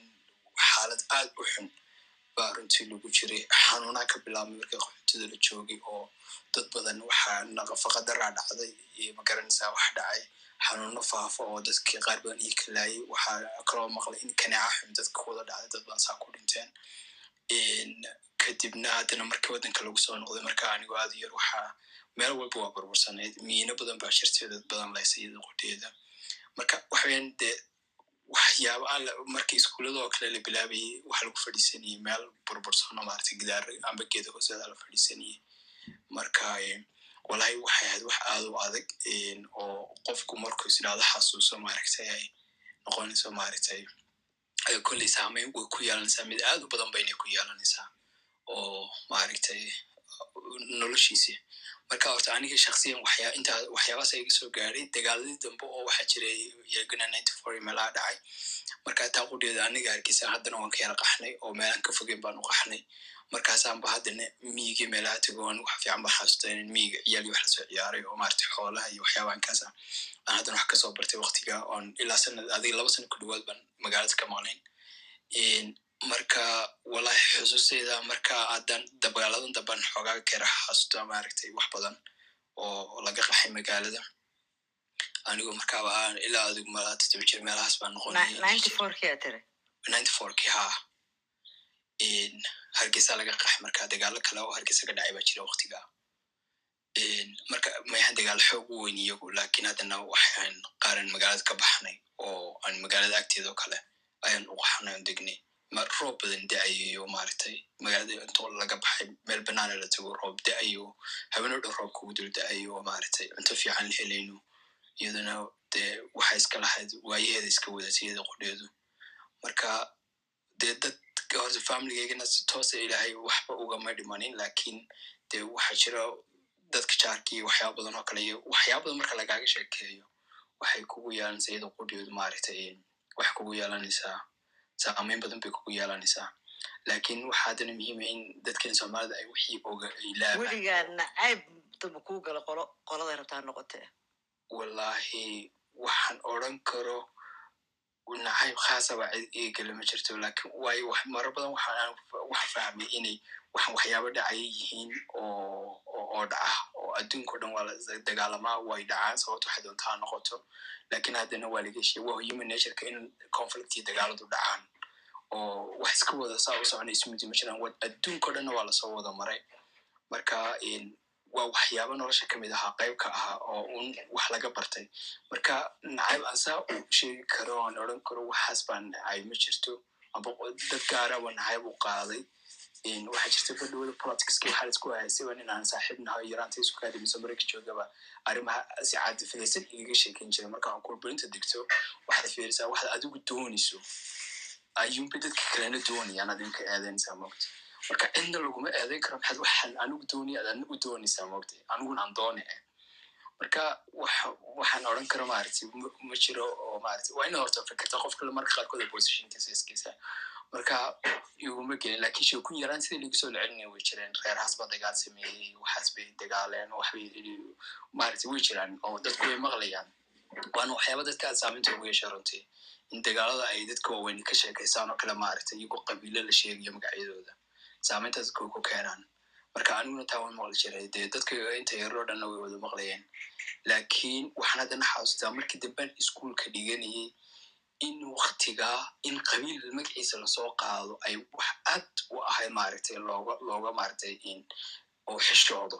Oo maalin waxaan xasuustaa macalin iskuolka noo dhigay oo ka sheegay ka sheekeynayay historygii macalin noo dhigayay ka sheekeynay dadka u kala qaybiyey colonialki oo maaragtay beelo ugu kala qaybiyay deegaanada marka mar uu hargeysa laftirkeeda ka sheekeynayay buu ka sheekeeyay qeybaha hargeysa si reer u kala degan yihiin marka maalintaa waxaa astaa markuu magaca reeraha sheegayay dadka dhan was wada eegan ardayda meesha fadhidoo dhan ana iskuolka dhiganayna marka waxay wax laga xishoodaba waktigaas kale waktiga dagaalada markaa kadib weeyaan laga soo wada noqday magaalada caadi noqotay hargeysa waxaa u malaynaya waktigii daariyaa la joogay bay madaxweyne ahaa marka waxaas waktiyadaasoo kale in ay inay caadi ahayn in iskuullada iyo meelaha publica oo kale reeraha laga sheego maaragtay si si dadka dhexdooda dhalinyarada oo kale aynay ahayn.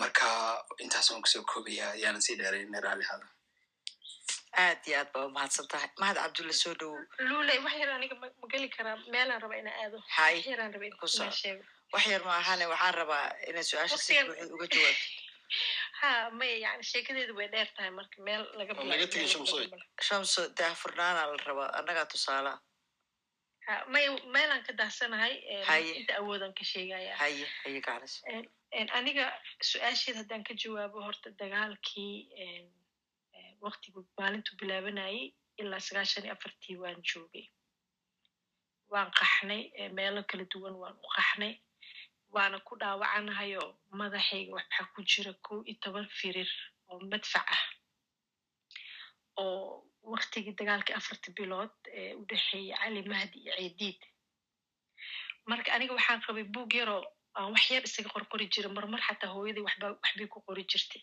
Marka laba qoraal oo meeshaas ku qoranaa raba inaan caawa idin aqriyo wax saas u badan ma aha. Waa wax qoraallo kooban. Qoraalka ugu horreeya waxaan ku qoray waxaan leeyahay sida tan maanta oo ay bishu tahay sagaal iyo tobanka bisha kow iyo tobanaad kun iyo sagaal boqol sagaashan iyo kowga ayaan arkay hilib qof bini aadan ah oo kala gogo'ay iyo cadad meelaha daadsan. Hilibka dadka aad buu gaduud u yahay. Weli madaafiicdii baa socota cali mahdina in la eriyey ayaa shaaca laga qaaday.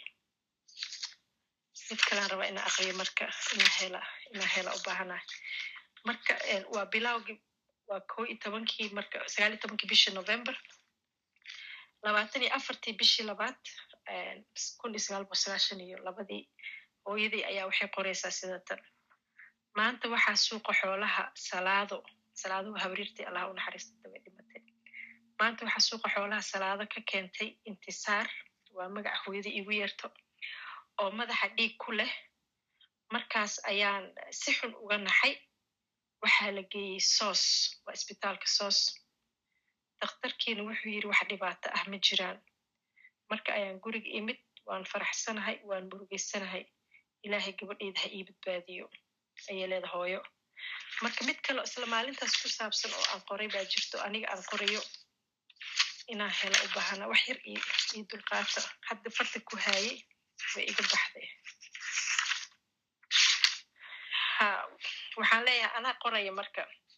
Maanta oo ay bishu tahay labaatan iyo afarta bisha labaad kun sagaal boqol sagaashan iyo labo talaado sideedda subaxnimo ayaa aniga oo suuqa xoolaha ka adeegaya firir xabadeed madaxa iiga dhacay. Haddana alxamdulilahi waan ladanahay in case haddii aan dhinto isoo cafiya. Shamse abukar cumar sheego intaasaa raba inaan ku daro yacni buugga wax si fiican uma qori jirin laakiin marmarka qaarkood baan gelin jiray waxyaalahaas.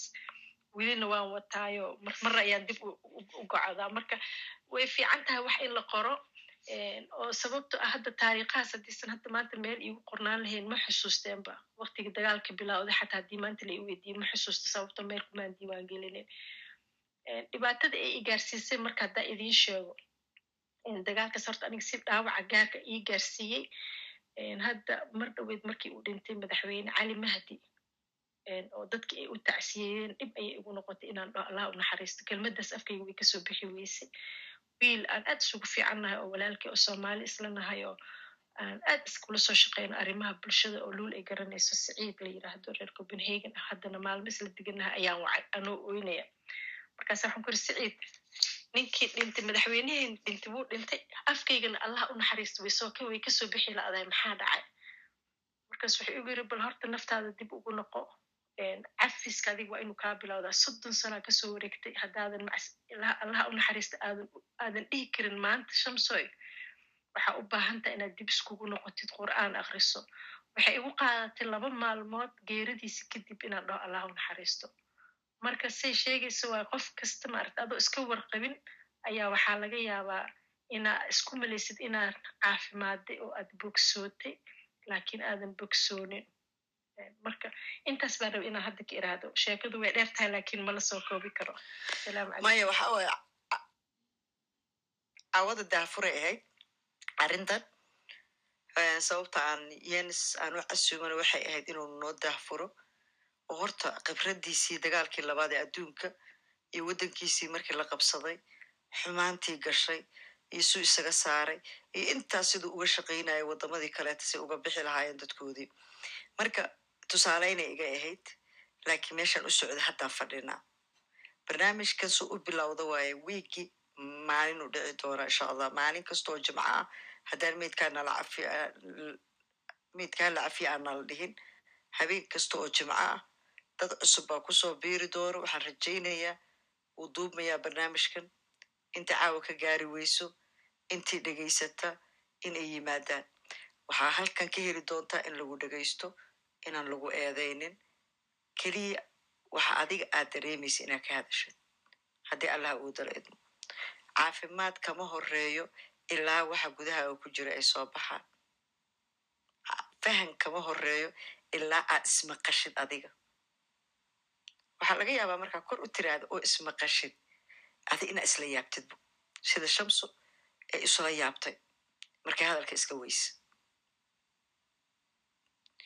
mahad soo dhowo asalaamu calaykum. Malay maqlaa? Waa lagu maqlaa? luuley adag. Alxamdulilah qaali shamso luul adeer saciid iyo axmed mawlid intaa bilan intaaba waan salaamayaa iyo bulsho weynta kalen halkan ku midownay wadaagayaal waxyaalo badan oo qarsanayay baa jira oo aad baan ugu faraxsanahay inaan halkan oo kale aan ka hadlo. Laga yaabaa inaan emotion noqdo. Toban cisho kadib markii walaashay la dilay ayay oohin igu bilaabatay. Toban cishadood waan iska socday isma ogi qoslaye farxay kubad iska ciyaarayay. Toban cishood kadib ayay depression one year hayay. Waxaa kaloo jira ilaa iyo ninety three ilaa hadda oo calooshaydu buuxdoon qarsanayay marka aad baan ugu farxay in halkan aan ku soo daa'iyo malayn maayo saddex daqiiqa inay ka badanayso? Maxaa yeelay emotion baa igeli doona waana joojin doonaa waddankan waxaan imid kun iyo sagaal boqol sideetan iyo toddoba toddobiyo tobankii abril sideetan iyo toddoba waad garanaysaan waddankii sidiisuu weli ahaa inkastoo anigu mar walba dad badanoo iga khabiirsan halkan jooga soomaalidu waxay tirahdaa kun iyo sagaal boqol iyo sagaashankii wixii ka dambeeyey dowladdii burburkii sagaashankii. Dee xukuumadda la aqoonsan yahay haa laakiin aan waxaan aaminsanahay dee eighty seven eighty eight ayuu burburkii soomaaliya bilowday. Waa xaqiiqda? Maasha allah Ah, laakiin waxaa ka horreeyey in aan eh, gobolladii dhexe eighty five-kii iyaduna aan laga hadlin oo ceelasha la sumeynayay oo waxaasoo dhan iskugu soo biyo shubatay magaalada muqdisho keliya. Markaa oo seerka dadkeenu aan ku qosli jirno oo oran jirnay qosol maaha raalliga ahaada aan oran jirnay balcad mala soo gaaray. Inta kale yani ismaan ogeyn intaas la yaab ma laha sababto qosol way ahayd. Annaga xamaraan joogay waxaan dhihi jirna xabadi keentay. Waqooyi markay ka qaraxday ee diyaaradaha lagu rusheynayay ay ka soo carareen wixii etoobiya galay etoobiya galeen kuwii xamar yimid xabadi keentaan dhihi jirnay. Ayagana maxay noogu jawaabi jireen? Xabadi sugto. Marka ku soco walaal waxaa dhacday aniga si way ii taabatay. Marka hore intaan howlaashay la dilin waxay ii taabatay. Anigoonan aqoon reero waxa la yidhaahdo dis waxa la yidhahdo halkan ayaan indiya ka imid waxaan imid magaaladan oslo gudaha aan soo galay. Marka dadka diyaaradaha iska dhiiba xerooyin baa la geyn jiray. Anigu gudaha markaan soo galay sweden gudahan aan imid waxaa laigu yiri halkaa guriga wakaa halkaana nolosha wataa laakiin waxaa lagaaga baahan yahay car la yidhaha s n m. Waxaa la yidhaha s n m garan mayno anigay group aan ka reer kismaayo reer baardheer oon ahay originally meelaha ku soo jeedo waqooyiga ku soo jeedo awogii halkan markaa nimid afarteen waxay nagu khasabtay annagoonan s n m waxaanu lahayn. Laakiin waxay ahaayeen dad xoogaad moodo inay qurbaha ku raageen oo very ilbax ah oo boqol corona markaa member lagaga noqonaya kaarka. Marka wayn si way ku taabanaysaayo de kaarka waa lagu siinaya si wanaagsanna waa lagu soo dhaweynaya laakiin inside caloosha kama ogolid taa way taabatay. Laakiin waa waxa aan markaa ku qaadanaynay marka waxaa dhacday kun iyo sagaal boqol sagaashan iyo saddexdii laba reer oo taa waxaa tilmaantay baa si u tilmaantay mar dhoweyto walaashay shams. Adigu laba reer baa isku dilay xamar aabahay iyo hooyaday iyo meelna xamar kamay bixin. Anagu ma baqaxayno mar hadduu maxamed siyaad iyo wixii iyo dee unbaad dad ka soo horjeedeen marka anagu ma qaxayno idinku haddaad qaxaysan waa la khasbay way diideen afgoy yaro gaareen way soo noqdeen. ninety three ayaa nin halkan ila joogay oslo wuxuu igu yiri waxaan tegayaa xamar. Weligay ma ilaawo. Wuxuan u dhiibay kun sagaal boqol iyo siddeetan dollar. Aabbaan la hadlay telefon haloo meel cidlaa aabba wuxuu igu yiri aabba haddaad lacagtaa noo soo dhiibto waanu soo qaxaynaayo waxaanu soo maraynaa xadkan etoobiya ilaa halkaasaa line baydhabo kadibna xadka etoobiya la soo gelaya kor baa markaa buuhoodla laga soo gelaya sagaalkii boqol iyo kontonkii baa reer oslo nin osla aan u dhiibay. Ninka wuu qaaday lacagtii wuu u geeyey laba saacadood kadib walaashii waa la dilay. Lacagtii iminka lagu keenay keen baa lagu yiri. Walaashay waxaa lagu dilay. Sariirta hoosteedii ku jirtay hooyaday.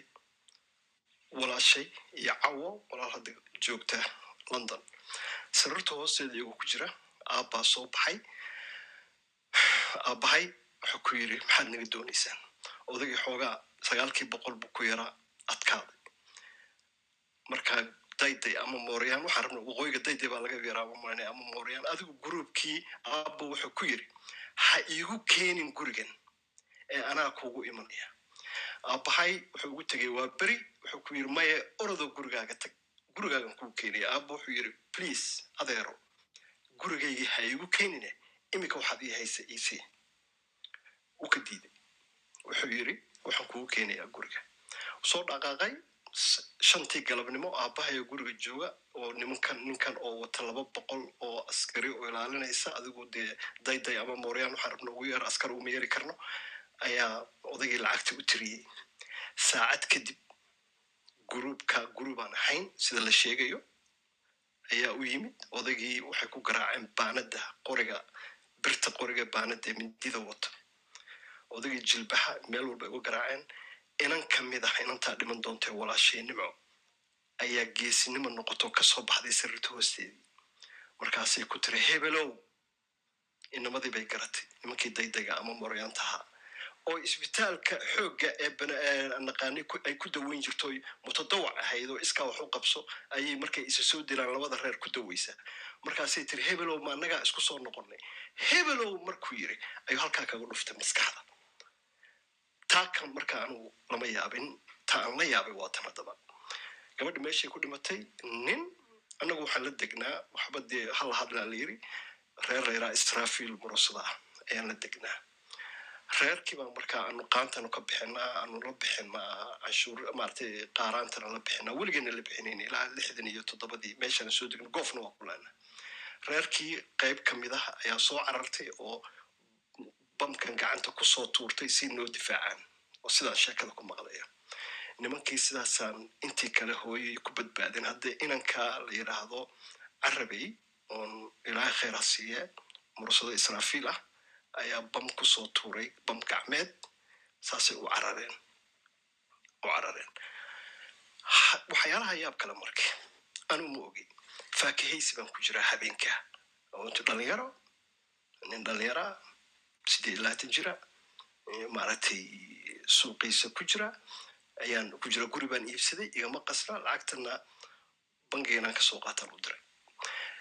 Haddaba islaantii hooyo sariirta hoosteeda ku jirta inantii ku jirta dhiiggii baa u soo galay. Hooyo iyo cawo ayuu odaygii kaxeeyey wuxuu geliyey lugihiisina way bararsan yihiin wuxuu geliyey qolkii kale. Dhibta jirta toddoba iyo konton yaanyuur ama bisado ayaa guriga jooga. Dhiiggii ma bisaduhu ka ilaaliyaa? Mise hooyaday cadar yuusuf jaamac iyo cawo qayladoodii buu dhinac u istaajiyaa iyo oohintoodii baruurtoodii? Inanti waa mayd. Habeen iyo bar ilaa subaxdii waxaa la dilay lixdii maqribnimo sida ugu maqaala. Ilaa six morning wuxuu kala ilaalinayay bisadihii ama makulaalshii inay dhiiggan jaqaan iyo inuu markaa eh, hooyo iyo dhinacna ka barooranay raba inay inanteedi dawad garanaysaa hooyo lidikama sheekeynayo walaashii cawo terminize. Subaxnimadii habeennimadii markii la gaaray saddexdii habeennimo ayaa walaalkay igu soo garaacay. Waa haddaba aan mar walba ka walwalo kamaan furin dhiid waan yaabay. Afar saddexdii habeennimo guriga igu soo garaacay. Gagagagag war mahaado waan maqlayaa. Kama furin sideed sideeddii subaxnimo soo noqday sideeddiibu markaa igu yiri arrintaasaa dhacday. Waxyaalaha marka cajiibka leh wale ma sidaasaa okay waaye shaqadeydii baan tegey. Shaqadii baan tego waaba shaqaynayaa oo qoslayaa isma yacni imagine baan ku leeyahay. Shaqadii baan tegey iska shaqaystay iyagii baan la hadlay hooyo khayr bay noqonaysaa babababa shidanaaba shidanba nin la yidhaahdo maxamuud salaad iyo bashiir sheekh jaamac cumar xiirey markii dambe seedigay noqon doona ayaa ii yimid oo markiiba i fahmay inaan anigu dhanba aan jooginba qoslaya kubadna geeya intana geeya. Way kaxeeyeen sharac magaalaha guri oslo markaa meel biyo dhacay la yidhaahdo i fariisiyeen. Way waraysteen oo maaragtay laakiin anigu iyagaa emotiona anigu haba yaraatee is- emotionna ma ihi. Warba caadi caawa xagee noo film ma galnaa shalema ma galnaa xagee noo noo shidan. Xagee caawa ku shidan ayaanu ku jirnaa marka the prime timena waa naho dhalinyaraan nahay oo maasha allah laakiin haba yaraatee intaas oo jixanjixa ah maan dareemin. Toban cishe kadib maalintii maalintii tobnaad bilaabatay ayaa waxay ugu bilaabmeen matag walwal oohin twenty four hoursa shaqadii on risaagarayey shaqadii oo albaabka in la igu yimid isbitaal ay geeyeen kadibna ay igu yiraahdeen bal bil qaado sheekadii markaan ugu sheekeeyey oo maaragtay ayaa laigu yiri ilaa ilaa waa inaan magaaladana ka baxdaa waxaan imid maalmo taa hadda shamsaa degan maalmo waxaan ka hadlayaa anigu ninety three maalmaan imid nin axmed xasan diiriya ilaahay khayraa siiyo iyo hinda qaadi oo dadkii markii horeba i keenaya ayaanu imid maasha allah mahadsanid. Kuwaasaa markaa aan weligeena isla soo kornay isku xaafad ahayn ayaan miciin mooday. Walaalahay oo dhan waxaan ka doorbiday iyaga because they were childhood friend oo de waxaan ka hadlayaa five years old glasskana wada qoray uuladii waxaan ka wada toban cishe kadib ninkii baa soo noqday. Ninkii ayaa soo noqday. Waanu israacnay anigaa cafis weyd ka weydiistay. Waxaan ku yidhi wax dhibaataa male isagoo muu ogeyn isagu. Ninka saas saa wax u sameeyey oo in walaashii la dilay muu ogeyn waa sida dee aan noo sheegay anu ilaahay bay naga tahay. Central stationka ayaan kula kulmay markaan fariistay. War mahaad maasha allah shalaan soo noqdo maasha la buuxo gees baan u kaxeeyey. Sheekadii baan u sheegay. Waxaan ku yidhi lacagtii lacagtii uu diiday ee uu qasbay guriga in la geeyo guriga ciidankii uu geeyey. Ah waxaan ku yidhi sidaasaa dhacday. Haabana halkan aan kugu yimid. Sidaasuu ku yiri sidaa ma samaysa war waan sameeyey. Anigu saa igama ninkii waxa ku dhacday naxdin uu naxay walwalay uu ila hadlay xaafadaydaan isku raacnay qadaan u sameeyey waan isla qadaynay waan isla seexanay sidii baan saaxiib u nahay. Berigii labadii kun iyo sideeddii baa waxaa lagu soo xukumay ingiriiska in lagu qabtay laga yaaba dadkiina ina taqaanaan waxbana sheegi maayo ayaa waxaa lagu daray groupkan arsenal iyo wax wakiilka ah iyo ruush hub lagu qabtay iyo nuclear iyo waxyaala aan ka sheekeynayn ayaa ninkii adigu ingiriiska la wareegay. Walaa ingiriisku deganya marka sidaan ugu soo noqday topica sheekadan oo kale aniga way ii fiican tahay inaan dhegeysto inaan ka hadlo weligay in yar oo few baan kala hadlay inaan buugka qoraan mar isku damcaysaan u badbaado calaashida u badbaadiyo weligay ma caroono weligay ma oydo Sa- asxaabteeda ugu weyn waa luul iyo de maasha allah dadkan kale. Laakiin waxaan ka wadaa way weli sidaasoo tahay waan inaan isku wada fadhiisanay aabbahay u tegay ingiriiska hooyo la fadhiistay aabbahay midun buu igu yiri wuxuu igu yiri kama welweliyu yiri walaashaya in la dilo hortayda lagu dilo laakiin wuxuu yiri waxaan ka welwelayn buu yiri anigoo koonfur soo degay kun iyo sagaal boqol konton iyo shantii inama yar yar inay igu yiraahdeen waa goosateen baa la yiri cagaha ka qaad ee uu baanadii u tusay labada lugood lugihiisii ayay wuxuu yiri waxay igu dhufanayeen sidaa waad goosateen baa la een, isna wuxuu u diiday inuu ka tago magaalada muqdisho oo uu u raaco because eh, nin baa meesha ka tegay waxbaa ka tegay. Insha allah khayr insha allah tomorrow bay hagaagi baa mar walba jirnay. Xasan baan xasuustaa xoogaa iska yaraa. Caadifaysnaa oo yiri iskaga soo dhaqaaq. Maya insha allah aabo barre hagaagi. Laba sannadood ka hor markaa sorry nineteen eighty nine buu waddan ku soo noqday wuxuu ka tegay nineteen seventy three. Wuxuu ugu soo noqday wuxuu yidhi aaba halkan aan ka shaqaysanayaa beshankaygii mobile oo ina soddonka sano ka shaqaynayay. Waxaan ku soo noqday magaalada muqdisho. Magaalada muqdisho waxaan ugu soo noqday afar bas buu keensaday. Wixii aad soo diraysaan wakaa inta kalena basaskana ii shaqaynaya. Maaragtay meel kale uma socda xoogaa yaro beerna uu lahaa reer baar dheere originalo buu ku lahaa baar dheere. Ninka saasa ayaa waxaa lagu yiri buu yiri waxaan ka xanaaqsanaya buu yiri aabo inay inamadaasi igu yiraahdeen waad goosateene. Ka kac cagaha halkan ka qaad waa ti weligay qofna kuma dhihin laakin de waa waxay igu jiro inaan sheego. Marka isku soo duub waxaan ku yiri aabo dareenkaaga waa sidee? Intuu dhimanayay. Kelmadii uu yiri hooyaday waxay igu tiri hooyo dadku waa dadkeenii niman xun baa ninkaa dilay laakiin weligay ummadda soomaaliyeed iyo sharafta iyo wanaagga iyo raxmadda kii dilayna waan cafiyey cid walba. Laakiin aabahay wuxuu igu yiri aniga koonfur lama maqashiiyo. Maxaa yeelay irbadda lugaha ay baanada igu dhufteen inantayda maaha. Laakiin ay igu yiraahdeen dhulkan aan lahaa oon ku koray oon carruurtayda keensaday ku wada dhasheen. Xasan unbaanu ku dhalan. In uu igu yiraahdo mid dayday ah. Waa kelmaduu igu yiraan idila wadaagaya wax kale maaha. Laakiin markuu elevenkii wuxuu dib uga hadaladii ayaan mar kale markaan waraystay ayuu wuxuu yiri maasha allah waan dareemi karaa emotionka weli wuu igu jiraa. Qof walba oo bini aadana waan cafiyo oo markuu soo dareemayey inuu isna xaalkiisu marka cafiskaasuu ummadda soomaaliyeed ee uu gudaha caloosha ku hayay ayuu weydiistay. Caawana waxaan u weydiinayaa ummadda soomaaliyeed ee halkan ku dhegeysan doona in aabbo wixii gudihiisa ku jiray oo cafiska weydiisay inaad cafiska ka wada ogolaataan kulligeen waa ka baxay aad iyo aada umahadsan tahay waxay ila tahay anaa kugu xigsanaya inta saaran hadeertan waa la wada hadlay. Aniga naftirkeyga shamsoo kala ahay laba sana laakiin ayada ee iiga dambeysay. ninety twoga april afarteedian ka soo baxay aniga. Soomaaliya muqdisho.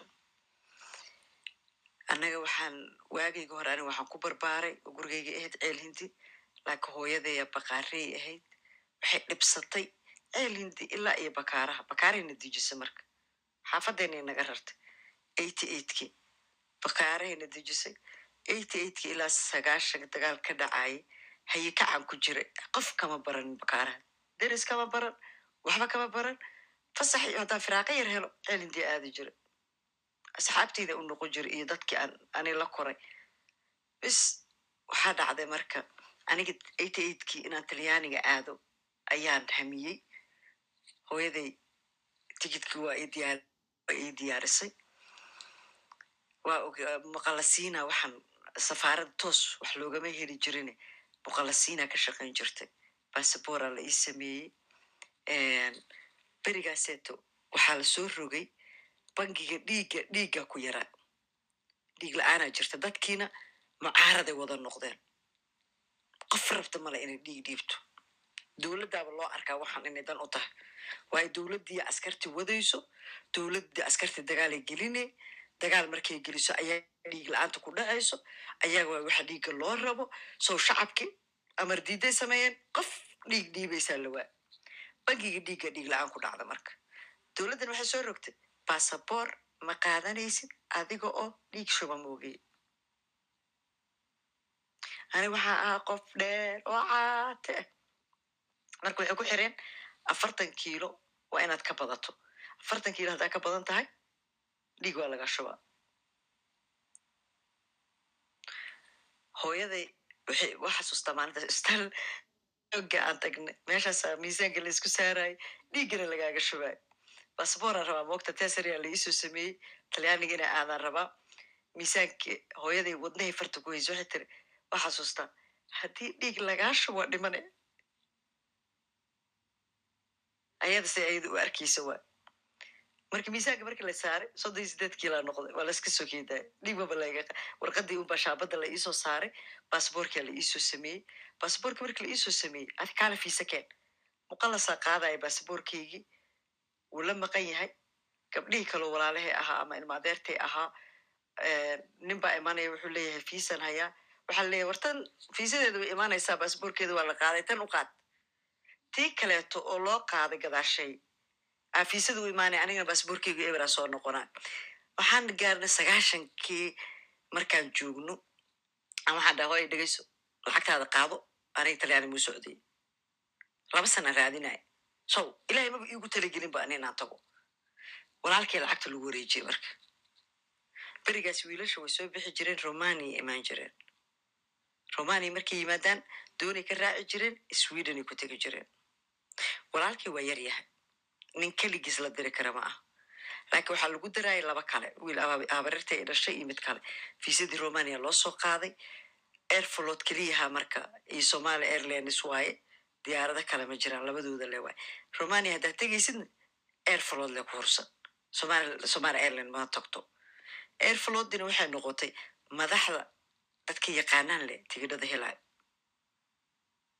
waa inaa haysatid qof garibation tigid kuu keento ilahay amarkiisa marka wiilan saaxiibe ahayn oo walaalo ahayn oo isla barbaarno walaalkiis weyn airflota ka shaqeynaya marka tigidkeena anaga bandar u ahaa tigid la'aan nama haynin. Tigidhadaa wiilasha loo gooyey habeenkii ay bixi lahaayeen kii habarirta dhasho ugu weynaa oo la rabo wiilasha inuu wado i don't know. Adig waxaa moodiin diintan la isticmaalaya mentale dadka laga dhaadhacsiinaya inay haddeer timid wiilkii intuu soo istaago yiri saqdha diyaaradda waxay bixi jirta salaada subaxi marka la dukado ay bixi jirta eelaboorka in la tago waay salaada ka hor fiidkii inta yimid wuxuu yiri aniga dhul gaal uma socdo ama baxaayiba dhul gaal maba u socdiba waa ninka fiisada haystay oo tigidka haystay oo baxaaya oo wiilashaanna hormuudka u ahaa go'aana la gaari waxaa labadan wiil keligood lama diraaye dad kaleeto lagu daraa la sugaa dibaa loo dhiga adiga se ku dhacdaba waxay gaartay. Ugu dambeyntii fiisada inay dhacdo. Waa xasuustaa saysay wiil la yiraha oo saaxiibo ahayn iyo aniga abas baxnay safaaradda waxaan tagnay romania inaan fiisooyinka u soo cusboonaysiino. Waardiyihiya wuxuu dhahay safaaradda waa xiran tahay christmasaa lagu jiraa fasaxia lagu jiraa berrina waxa waaye mar christmaska maadaama lagu jiro marka waxba lama cusboonaysiinayo sanadka cusub kadib soo noqda haddaa rabtiin laakiin u dhaha konton dollara lagu cusboonaysiinayo boqol haddaa bixisiin waa idinkaga soo dhamaynaa qonsulka ani marka waxaa boqol waa waday laakiin waxaan diidayay hooyadii markaa baqaarka ka soo tegayay waxaan ku dhahay konton waay beentaas maanta iyo berri isku mid waayaan ku dhahay hooyaan u noqona waa u sheega boqolka dollar berriyaana imaanaya waayo hu dha boqol haddaa kentiin anna waa idin fasaxa aniga yarkii meeshaan gaari ka soo raacnay. Safaaraddaas waxay ku tiilay santarka magaalada shaleema xamar marka la dhaafo. Adiga waa korkaas kore boostada iyo jiirada marka laga galo maaragtay. Baskiaan soo raacnay caasi waaye. Mar alla markuu boostada saas u soo galay oo waddadan dheer u rabo oo hadhow maka almukarama iyo xaawataaki iyo tiyaatarki iyo ku xirayso inuu soo galo waxaana dhaafa baabuur cabdilbilayaal ah oo ciidan tiro badan wado oo hub badan wado oo u socdo dhankaas iyo cabdicasiis. Weligeen baabuur noocaasa ma arkin haddayna ko iyo labaatanka oktoobar ahayn. Baabuurta noocaasa waxaa la arki jiray keliya dhoola tuska ko iyo labaatanka oktoobar waa isweydiina marka baski dhan war maxaa jiro maxaa jiro? Qof taqaana male waxa jiro. Kuley waxbaa qaldan dhiilaana gashay baskii wuu soo baxay sayidka markuu maraayo ee qaraxda horta. Hal mar sayidkana qofkii taqaanaa taqaane sayidka markaa taagan tahay muqdisho dhinaceeda dhinaca kaa dambeeyo korkaaga haddii dhabarkaaga xigo iyo oto otada ma ahane dhanka hoos xigo magaaladii o dhan aa ku goglan meel adiga wardhiigley gudaheeda siinay ku aadan aa qiiq madow isqabsaday. Iyo qa- qarax tiro badan baska yeerkii waday wuu ka degay wuxuu dhahaa layga degto aniga xaafadaasaan deganahay ilmahaygina halkaasay jiraan halkaasaa aada aniga baskaama sii wado. Ani sayidka maadaama la joogo reer celindi ay walba ahaa. Hoos la u degtay celindi aa tegay eedaday gurigeedaan tegay baqaarkan wacay taleefonka guriga. Markaas moobile ma jirin laakiin line linea guryaha ku jira baqaarkan wacay. Hooyaan u sheegay inaan maaragta joogo guriga eedo ayadii eedana shuraakay ahaayeen baqaarka isla joogeen markaas waxay tiri annagana iridaa xiranay baqaarka gudihiisa ku jirnaaye meeshaad ha soo dhaafin. Horta maalintaasuu dagaalku bilowda xamar. Dadka markay dhahaan sagaashankii dagaalka ani ciida iga qabto. Sababtoo ah saddex maalin oo ka horreeyey. abaayo madaxayga saddex maalin oo ka horreeyey. Ani waxaan xasuustaa taariikhda saxdaa ma hubo laakiin christmas ay ahayd. Kow dheh labo dharkii happy new yearka aan xafladda ku aadi lahayn waa diyaarsanay burukiyada ii ballansanaa so ninety one lama gelin maya lama gelin waxay ahayd december ahayd december ay ahayd laakiin waxay ahayd christmas time. Maalinta taariikhda exactly waa la helaa dhib ma laha laakiin christmas time ay ahayd i know. Safaaradaaseta christmasay ku jirtay waxaa la yidhi waa xiran tahay maso waxa waaye maalintaasay bilaabatay.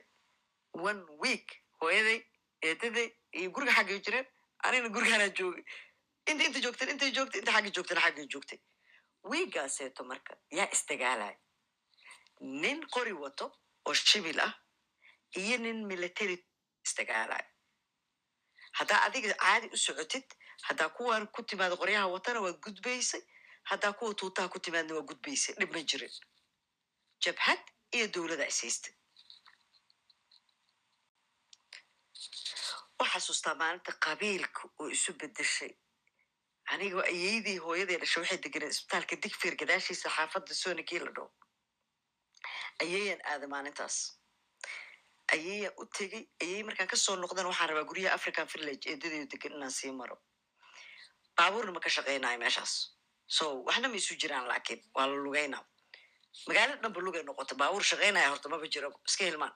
Meeshaa rabtid ina aadad lugaa ku aaday sona kenyan ka imid digfeeraan soo dardaray tarabuunkaan soo dardaray guryo filooyina waa weynaa marka ku yaalo oo u dhexeeyo wadaday saaran yihiin iyo african villageta aan u socdo laba guri oo aad u babalaaran dhexdooda wada maraysay aan soo galay markaan soo galay geeda waa weynaana guriga ku yaalo hal maraa korkayga waxaa ka qaydiyay istaag iyo isa sheeg okay waa istaagay isa sheeg marka la dhaha aniga lul magacayga sheega waa qofka ahan sheega moogta mayaa laygu dhah qabiilkaaga sheeg qabiilkaygaba ma aqaane abtirsi ma aqaanaa faamilkan ka dhashay laakiin qabiilka uu rabo inaan sheegtaba ma kasaay marka ani waa farkanaxay qabiilkaaga sheeg marka la dhahay madaxayga wuxuu ku baqan yahay jawaab ilaahay amarkiisa marka geedaha mid kale ka soo dhex baxay war gabadha noo daa waa annage markaasuu soo degtay wuu isalaamay waan aqaanaa. Qabiilkiisa ma aqaano laakiin asaa dhahooyo annaga waa. Waxay rabtaa ha noqoto anig kole hore muu sii socon karaa? Haahu dhaa orod gudub soco. African villageaan tegey. Show meeshanay aagaad noqotay.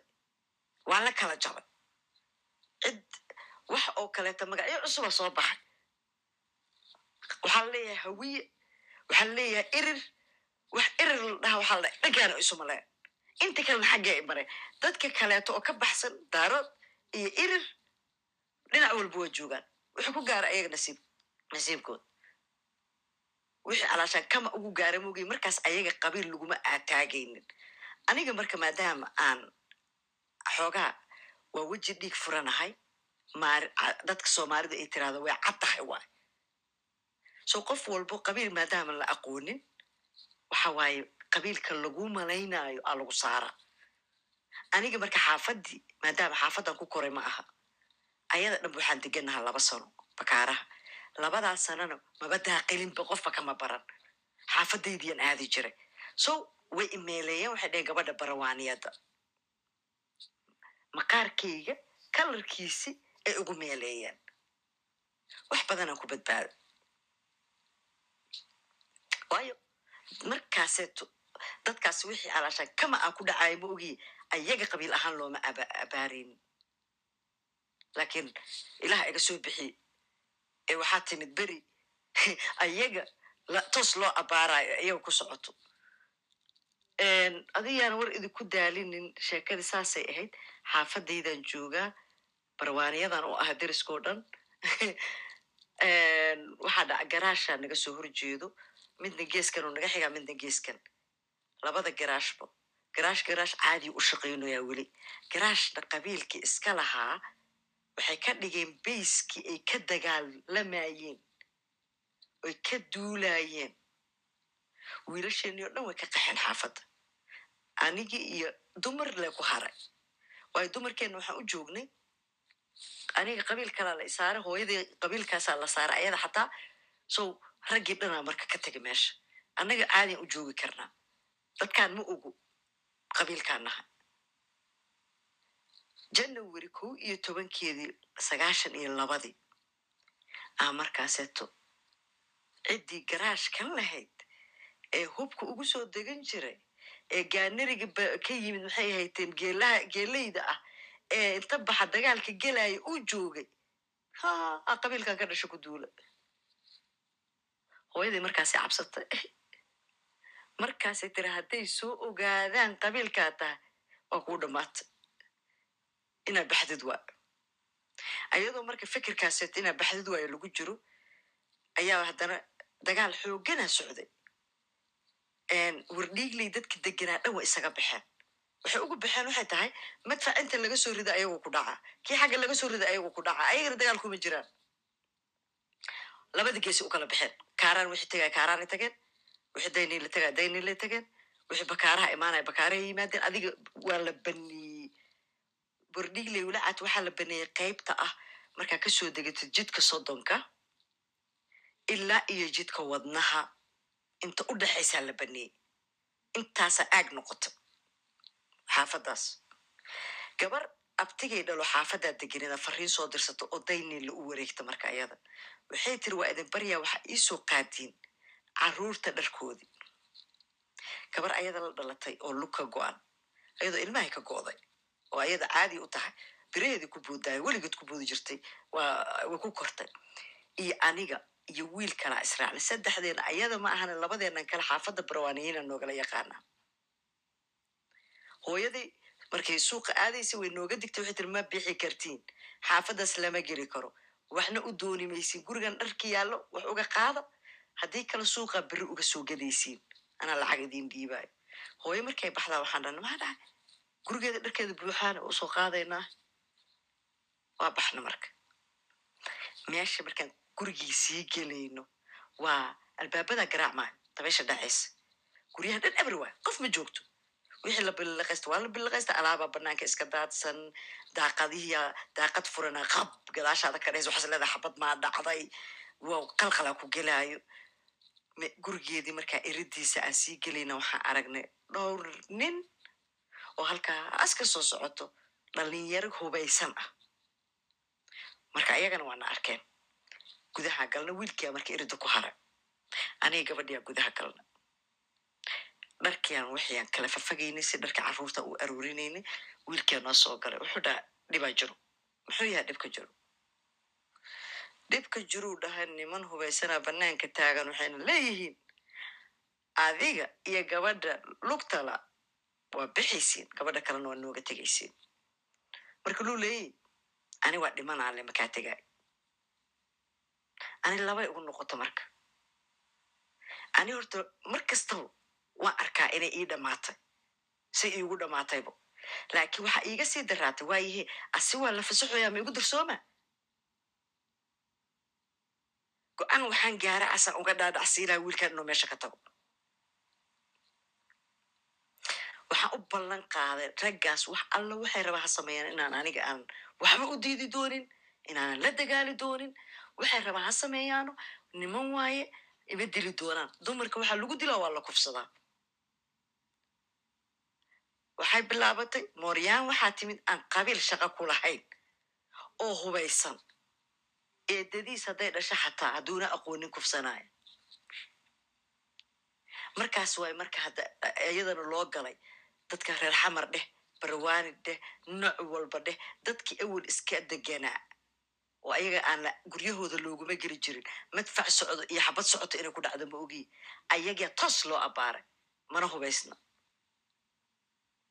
kow qabiilkan ka dhashay aa lagu duula maalmo gudahood waaya sheekadana waa isbedeshay. Qabiilkii aan ku jooga magaciisa haddana lagu duulay. Iriddaa waxaa ii taagan rag nafsadeyda iyo anig jirkayga rabo. Wiilkan walaalkay ah waxaan rabaa inuu meesha ka tago. Waayo asiga haddii la dilo aniga la dilo gabadhan curyaantana waa la dilaa saddexdeena waa noo wada dhammaanay marka aniga waxaan iska dhaadhacsiyey saddex naf inay dartaa u dhimanin. Luuley samee. Luuley aan ka dhex gale details badana sheegaysaa si dadka kaleeta ee jaanis u helaan soo koob. Waaba dhamaynaya gabagabadiina taagana. Aada umaadsantaa sababtoo ah detailska waxa qasbaayo waxaan rabaa aniga anaa waxaan ka dambeeyey. Sababta uga dambeeyen waxaan rabaa inaa cashir ahaan u tuso dadka sida in loo hadla ay tahay qofka la siiyo ilaahow may sheekadeedu caawa dhan ayada keliya noqoto. Waxaan rabaa caafimaad ma imanayo haddaan saas loo hadlin. Laakiin markaas waa markaas session ma ku jiro adoo raali aan dhamaystir waa dhameeye abay gacalis waa mahadsan tahay. Aada u mahadsan tahay waana qaadanaa taladaada. Okay adiga waxaan ka dhaadhacsiiyey wiilkii gabadha inay baxaan anigana aanan dagaalami doonin sababto haddaan dagaalamo waa lay dilaa niyaddoodan ka dhaadhacsiiyey laakiin niyaddayda waxay diyaar u tahay labadaas qof marka meesha ka baxdo walaa nin itaabanayn waa idilaa ma ogi laakiin ayaga inay badbaadaanaan rabaa ayagaan u sheega wixi ay rabeen inay maqlaan waxaan laakiin kula ballamay inay igu sugaan geed u dhexeeya gurigeenna iyo meesha aan joogo ayagoon hubsan inaan noolahay inaan dhintay inayna hooyadii u tegin taas le ballantaas iga qaadan ku dhah raggaan marka way isdhigteen meel meeshaasay taagan yihiin oo adiga ilaa toban mitir camal ii jirto. Oo waxay leeyihiin maaragtay markay kuwan baxaan aa guriga u gelaysiin anna iridaan taagana. Meeshaan waa markay ibtilada meesha ka bilaabanay markay kuwii mirdheen oo ishayda ka dhammaadeen guriga iridiisa aan taaganahan luuqa jiirada ka ah. Cagaa wax ka dayaane. Ulajeedkaygo ah xabadahay ridayaan ha ku dilaan laakiin ayagina waa isdhigteenoo waxay u malaynayeen inaan joogaayo marka intaas fursad waxay isiisay inaan luuqi ka baxo ayagoo markaan ka sii baxaya xabadaha yimaadeen markaa xabadihii gadaashayda ka dhaceen ani shaki a gala marka waa kaa daba imaanayan mar kastaba maxaa samaynaya jiirada aan saan u gala laba wiilaa taagan. Albaab ka dambeena waa furaya guriga la horgalaanay way labadaas wiilma hubaysnayn. Laakiin gurigoodan dalaq dhah codkoodaan maqlay nimankaa ku yimid gabadha aawa luuqa cabaaran meesha ku jiray kuwii sooma gelayaan kuwii kale waa maqlaya inay gudbeen shaki labaada ay gala kuwan gurigooda a ugu jirto maxay kugu samayn doonaan marka markii dambe way soo galeen waxay ii sheegeen ayaga xataa inay alaab soo dooneen dad qaxay ahaayeen laakiin waxay ka baqeen markay nimankan direen hadday guriga iisoo galaan in laga shakiyo oo laga soo dabagalo waxay sugaayeen ilaa ay isdhahaan nimankii way mirqeen xawaadlay ahaayeen wiilashaas. Waxay ii sheegeen inay xawaadla yihiin. Ayagaa sahan tegay luuqaqa dhan soo fiiriyey kadib isoo waday geedkii aan kula ballama dadkii ii keena markaasna aan gurigeyga saas ku imid. Hooyadii markii loo sheegana oo maalinta xamar layga soo diray oo layga soo ambabixiyo. O layiri no way ma sii joogaysid. Waa ka baxa maasha allah tabaarak allah si fiican ayaad u sharaxday adeer siciidan ku soo dhaweyn lahaa microfonka sidii rabbaan idin salaamaya cashar weyn baan qaatay oo aan idinka mahad celinayo intaas iyo adeer allah idin barakayo waa gabagabayneynaa abaay cabaara wadnay marka adiga noo hag qof walba labadii daqiiqo la siin jira si dadka kor saaran walaalaha hoosena ha naga raali noqdaano laakiin habeen kasta oo jimco ah aniga sababta waktiga aan isticmaala caawa u isticmaalay waxa waaye waxaan rabaa in halkaa qof walba wixi haddaada adiga ay waxba kugu dhicin waad dhaxashay. Waalidkaaga ku dhacen ama in adeerkaaga ku dhacen haddaad qurbo joogta xataa taleefonkaa kuu imanayay waxa dhintaa laguu sheegayay haddaan saas looga hadlin dawo wallahayna imaanaynin. Sababta aan maanta u hadlaynana waxay tahay maadaama ay luuli nobela mise nin reer norway ah oo sagaashan iyo shan jir ah oo peace building ka soo qayb qaatay. Saddex continent isku soo dhaweeyey oo aan rabna maanta ku marti qaadnay kulmise carweelo nasiib darase ay noo suurtoobi weysay oo kama dambeyn zoom loo bedelay waxyaalihii casharadii aan ka baranay qaali iyo mawlid way joogeen. Waxaa ka mid ahaa maaragtay qof kasta muhiimadda inay abay raalle ahaa cabdullaahi oo gacanta u taagneed keligiis. Aan soo saaray waana xira gacanta markaa dhowti dembiyaa gashahaydhe waa kuusii sheegaa duu soo qabsado waay waa u dira aniga khalaas marka maxaan ku irahdaa waxyaalihii aan ka baran waxaa ka mid ahayd maaragtay in situation kasta horta qofka naftiisa uu ka bilaabo. Waxaan si gaar ah oo maaragtay sheekadiisa aad ii taabatay wallahi walaalkay mahad. Cabdulle ilaahay kheyr ha ku siiyo.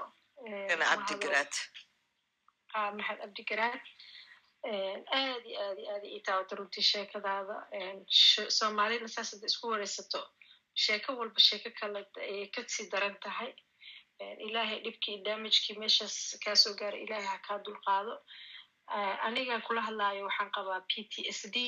ama post traumatic stress disorder oo madficii madaxa iiga dhacay marmarka qaarkood gaariga markii aan wado caadiyan anoo gaari wado ayaa waxaan aan helayaa flashback. Waxaan istusayaa maaragtay gaari kale inuu dhinaca midigta ah intuu igaga yimaado igu dhici doonaan dareemaya qabtii weyneed ayaan aan dareemayaa oo ilaa hadda aan maaragtay dhakhaatiir iyo aan la tacaalaa. Laakiin mahadow taariikhdaadii sheekadaada wallahi way itaabatay barasho wanaagsan mar kale shamsoy hal second isii waxaan halkan aabahay uu yiri mahad iga gaarsii dhammaan dadka ka soo jeeda gobolka magaalada buuhoodle oo ah magaaladii markuu saa u soo degay isaga iyo xaaskiisii hooyo iyo laba caruura uu bil la joogay oo runtii aan weligay mar walba uu yidhaahdo magaalada magaalada ogow magaalada waanu duceeyey waa haddana buuhoodlo magaciisi taaba hoos joogo buuhoodlo adaa matalaysideed maxaa dhahaa magaalada buuhoodle waa kaas adeer salaantiisii ducadiisiina la wareeg dad sharaf laha tihiin walaashiis buuhoodle aabaheyaa la dhahaa naanis ahaan laakiin qabiil shaqa kuma laha asiga buuhoodle magaaladii loo dhiibi maayo aniga hadaayad markaan markuu hadlaaye uu kansuuman ku dhashuu ku yiri uu kismaayo kaaga sheekeynayay. Waxaan rabay in uu xoogaa yar taabto. Asigo qurbahan ka baxay buu yiri ana dadka kalaan rabay inaan fursad siiyo moogta? Laakiin waxaan rabay asoo qurbaha joogo dadka asiga lamidka ahaa saamaynta ee xataa nabadii ayadoo jiro oon gurigood laga ceersanaynin siyaasadda gelid la'aanteeda waxay ku samaysay inuu taabto waay dadka ayagoon la dirayn oo xataa nabad ay tahay ay maanta ka tegayaan sababtoo ah siyaasaddii abtirsiinta la geliyey sax waaye ha marka buuhoodla magaaladaas waxba geyi maayo. Consuma laga doona ama borame lulay waa adigii wadankii oo dhan isku maree buuhoodla ma tagtee maya insha allah waa tegi doonaa. Laakiin boraman tega iyo kismaayo labada magaalo ka soo jeedo. Maasha allah teeda kale hadeertaana tusaa u arkaysiin aniga anoo ku xarshaashaayo filin camal uga sheekeynaya ka sheekeynaya laakiin beri waxaa jirtay xabadihii korkayga ka dhacay. Hadda inay dhacaayan aan umalay jiray. Aanan ka sheekey karin.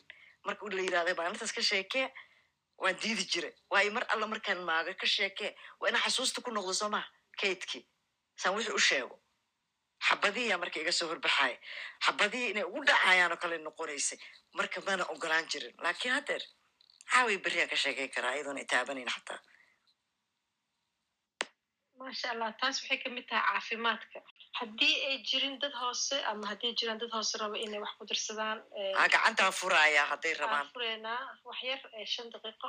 Kadib haddiisan jirin bahda kor saaran ayaan sidai lul dhahday? Laba laba minut siineynaa kadibna waa soo gabagabayneynaa barnaamijka waa fura gacanta dad badan ayaa soo kala luul waa inaa dadka janis aan siinaa okay way ku soco haddaan noo hegaysa cabaar aniga waa inaan xoogaa yar la soo nasatid waayahay marka se u soo kala horeeyeen aan u kala siin doonaa cabdimelik jiide ku soo dhawo walaale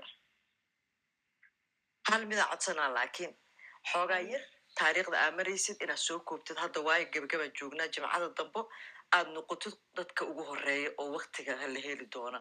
Waayo ma rabno taariikhdaada markaad gasho in ay istaagto ma rabno. In alle inta adiga aad doorato inay socotaan rabnaa. Haddii alle marka laakiin hadda maadaama gabagabadii ay tahay keliya waxaa ka dhihi leed scoop waa mahadsantiin waxa yar shaqa ku jira marka ku ku dhamaanaysaa waa inoo hormarinayna. jimcada dambe insha allah lul wax yar abay qadka maygaaga ku noqo anaa hadda hagaaya raxma ku soo walaale waa mahadsantihiin shamsa iyo lool iyo dhammaan walaalaha ku jiro runtii aniga shamsa sii dhameynaysaan ku soo gaaray wixii ka dambeeyaan dhegeysanay marka insha allah jimco kastana waa waa ka soo qayb geli doonaa barnaamijkan maamuluudna way mahadsan tahay. Aniga maaragtay horta burburkan intuu waddanka ku dhacayaan dhashay dhibaatooyin kale oo badanne waxaan arkay maaragtay noo iigu darneed dagaal ah ama colaad ah ama dhibaato aniga indhaheygaan ku arkay oo maanta maskaxdeyda aan ka go-eynin waa wixii ka dambeeyey laba kun iyo shan oo runtii laba kun iyo shan ilaa laba kun iyo ko iyo toban xamar waxay ahayd lixdaas sano mid maragtay dhibaato badan ee ka dhacday oo burbur badan ku dhacay dil badan iyo xasuuq badanne siyaabo kala duwan ay ku dhaceen ama hogaamiye kooxeed ha ahaado ama ha ahaadaan xilligee noogu darneed ee ethoobiyaanka xamar ay dhibaatada weyn ka geysteen iyo xasuuq weynaay marka aniga teedaas iyo taariikhdaas jimcaha kalan dib u dhiganaa laakiin aabahaya waxaa ku dhacday ninety onkii isaga isagoo dowladda u shaqeynayo marka soo jiro xamar dagaal ka qarxay marka hooyo iyo anina markaas ma dhalan iyo gabdhaha iga waaweyn wiilasha iyo hooyana xamaray markaas ay yani guriga xamaray ahaayeen ilmaha ku dhashayna deganaayeen aabana isoo xagga jiro markii dagaalka qarxay hooyadiis iyo aabihiis iyo xaaskiisa ilmihiisana ay xamar ka soo jiraan. Ay wuxuu ka soo lugayeen meel oo maaragtay marka xer ka sokeyso ilaa xamar lugay ku soo galeen baabuurkan jidka uga halaabay xamarna dagaala ka socday meel kaloo aadi karana ma jirin. Marka afar nin iyagoo ah oo aabee afar ku yahay baa waxaa ka hor yimaadeen qoladii maaragtay ciidanka qaar ee dowladda markaas iyagana magaalada baxsad ka ahay oo sii socday hubna ay wataan. Marka waa laga qabtay dhulkaa la dhigay waxaa la dhahay issheegayaa tihiin. Marka abe wuxuu dhihi annaga dad shaqaalo dowladeedaan ahayn meeshaanaan joogna xamar dhibaata ka dhaca dadkeena meeshaasii jiraan waana ku qasbanaya baxan annaga jabhadna ka mid ma ihin wax kalena kama shaqeyno. Marka waxaa dhacday marka in erey macnaha dadka qaar markay arrintay noqoto mararka qaar qabiil ama maaragtay dad isbursanayo waxaa laga yaabaa qofka in xataa hadalkiisa la garto ama qaabka uu hadlayo ama muuqaalkiisa sida hadda maamuluul oo kale barwaani loogu qaldayo kale marka nin oo sacad oo habar kadira iyo mid majarteena iyo aabahay iyo mid kaloo majarteenay ahaayeen. Marka saddexdii kalaa la gartay isagana lahjadiisa xoogaa inay abgaal tahaa la fahmay. Markaasaa waxaa lagu yiri kan kan waa macnaha maaragtay wuxuu yahay maa sheegtiin. Marka laway diiday nimanka kale waxay dheheen ninkan waa nin saaxiibkeena walaalkeena waxaa sheegaysiin shaqo kuma lahan. Marna di dishiin annagana waa waa la dhimanaynaa. Marka waxaa dhacday in afartoodii inta la qabtay dhulka la dhigay xabado lagu furay oo laba ninna ay ka dhaawacantay aabahay midka kalena ay ku ka tibtay baashi xabadii aysan macnaha waa lagu riday kuma dhicin kuwii kale oo loola tegay oo oo madaxa laga saarayna kuma dhicin. Marka dhibaatooyin badan runtii waddankan ka dhacay oo qof kasta waa ka sheekeyna hadduu dhahana ay noqonayso intaasoo maaragtay taariikho ah. Laakiin la rabo waxa qofka markuu ka hadlo caafimaad ay u tahay ummaddana daaway u tahay maaragtay sida cimaanka meesha ku qoran ah nabad iyo maaragtay iyo dibshisiinna way u tahay marka aada u mahadsan tihiin si ani aan la kulmay waa idinla wadaagi doonaa jimcaha kale insha allah waa mahadsan tihiin luul iyo akhyaarta dhan aad iyo aada umahadsan tahay raxmo macaan aada umahadsan tahay jimcahana waa ku sugaynaa haddii ilaahay idmo keenaan axmed ma ku jirtaa qadka jimcaha berri ma ahayah maadaama cawada aan qaban jimcihiisa kale waa aa waa Insha fahmay Allah. Luul luul waxay jeceshahay inay hadasho marka lama xakameyn karo boodaysaa keenaan ku soco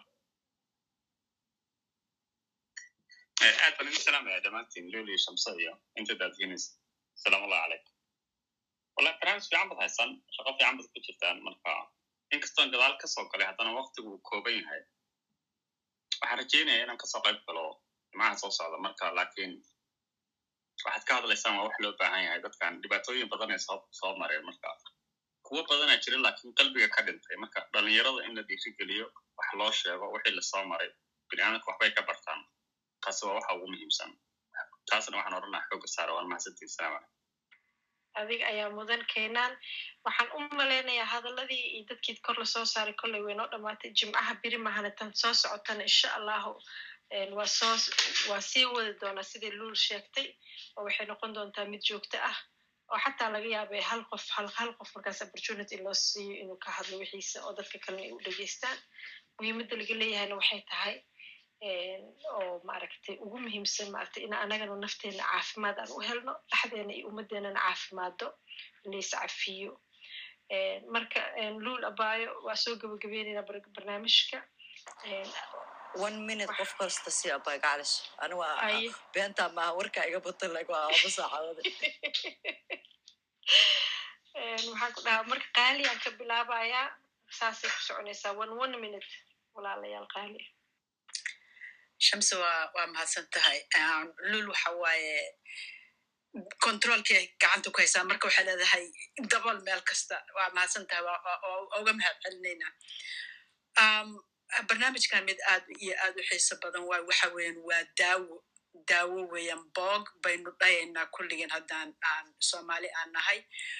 Um, waxyaabo badan oo dadka ku soo dhacay.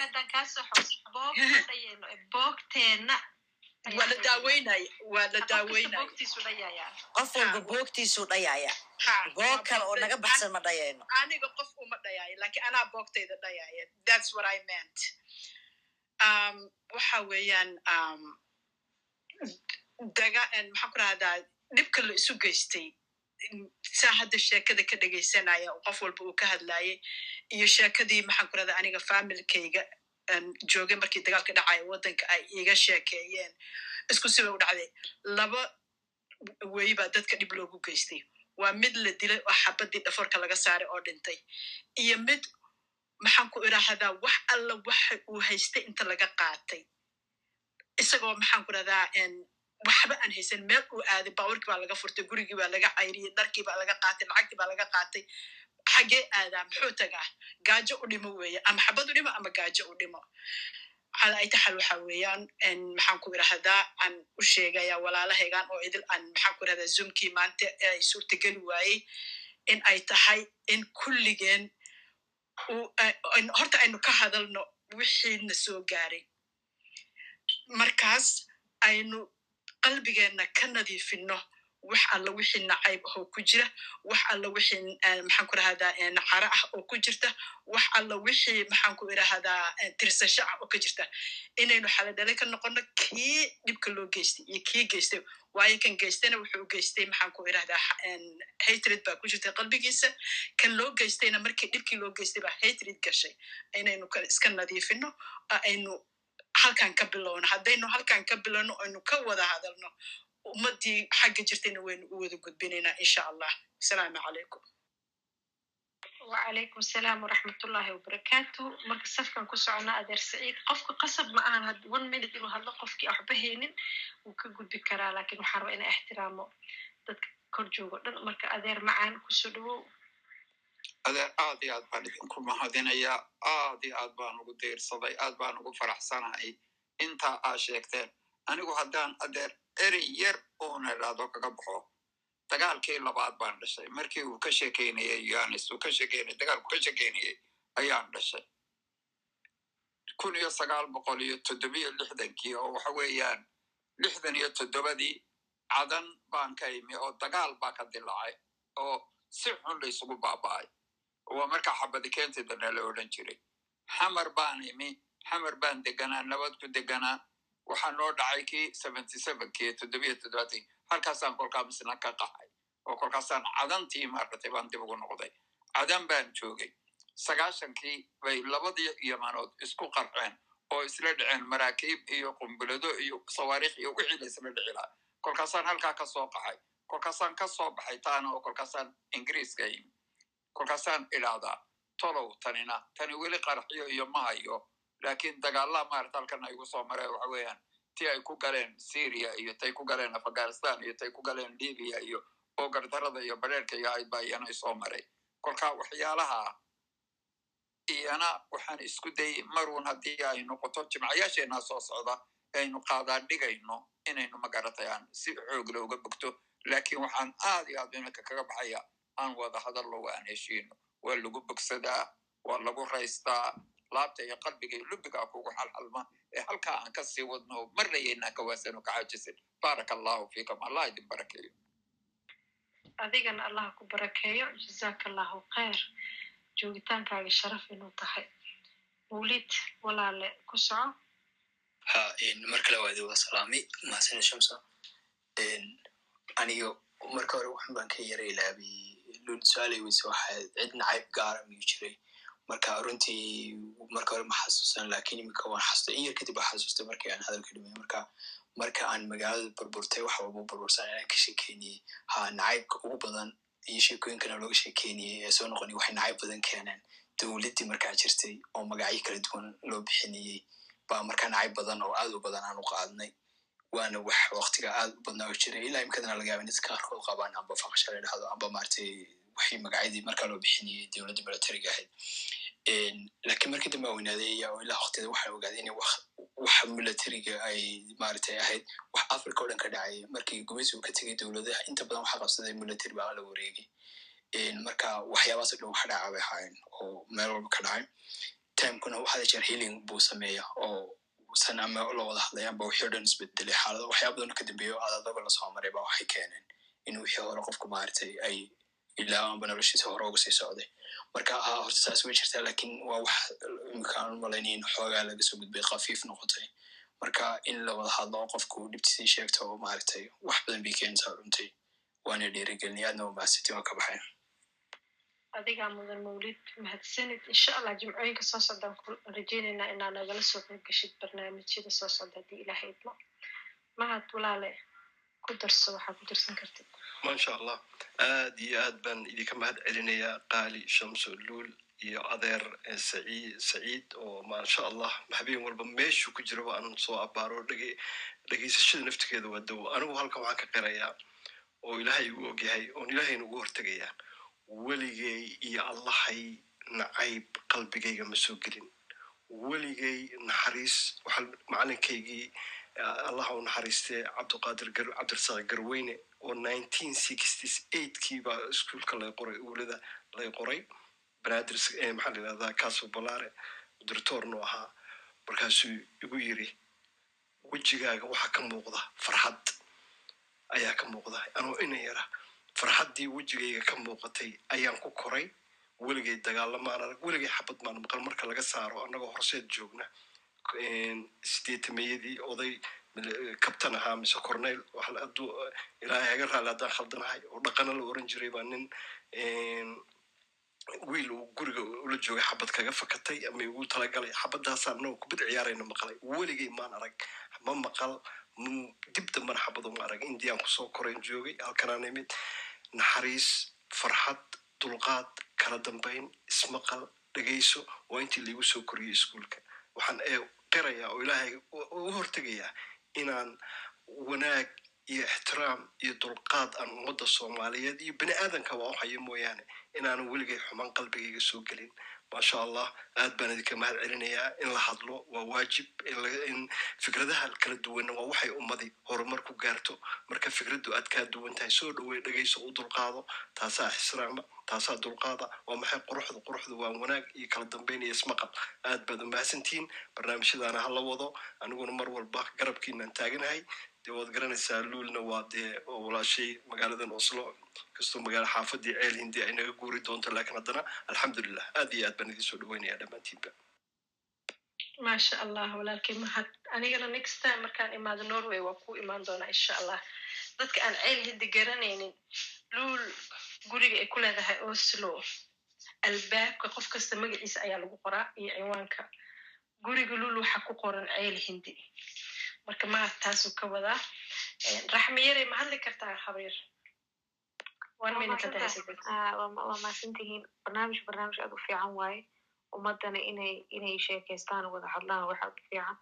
Soomaali dhan moogtahay labadii qof oo iswareysata waalid iyo walaale isku noqdaan ama maaragtay gacal iyo sokeeye marka aad u mahadsantihiin insha allah akhyaar badan oo waxaa rajeynaa barnaamijkana inay inay codkooda ku taageeraan markay noqoto in ummadda ay wada hadasho ee taariikhda la soo maran la isu sheego. Aada u mahadsantihiin walaasha adigaa mudan gabadheena Eh, ma hadda ilaahay ka sokow waxaa iskale luul caraweelo kulmiye oo barnaamijkan isku soo dabariday ka soo shaqaysay iyana isla xiriirtay meelo badanna maaragtay uga hadashay markastana maaragtay u diyaarsan inay maaragtay nolosheeda inala qaybsato si anagana tusaale inoogu noqoto marka shout outkaasaan u samaynayaa keenaan adigaa ku noo soo xiraysid waa mahadsantaha abay qaadiya dhammaantiin nulna aad baan ugu mahad celinaya adeer saciid iyo dhammaantiin mahad moolid salaamullahi calayk abay. Wixii la oran lahaa waa la yidhi. Hadalkoodi looma hadla la yidhi. Marka insha allah next friday baan ogolan next friday haddii ilaahay idmo marka madasheena kulmisa caraweelo waxaa lagu soo gabagabeeyaa duco iyo caawa noo duceynaya.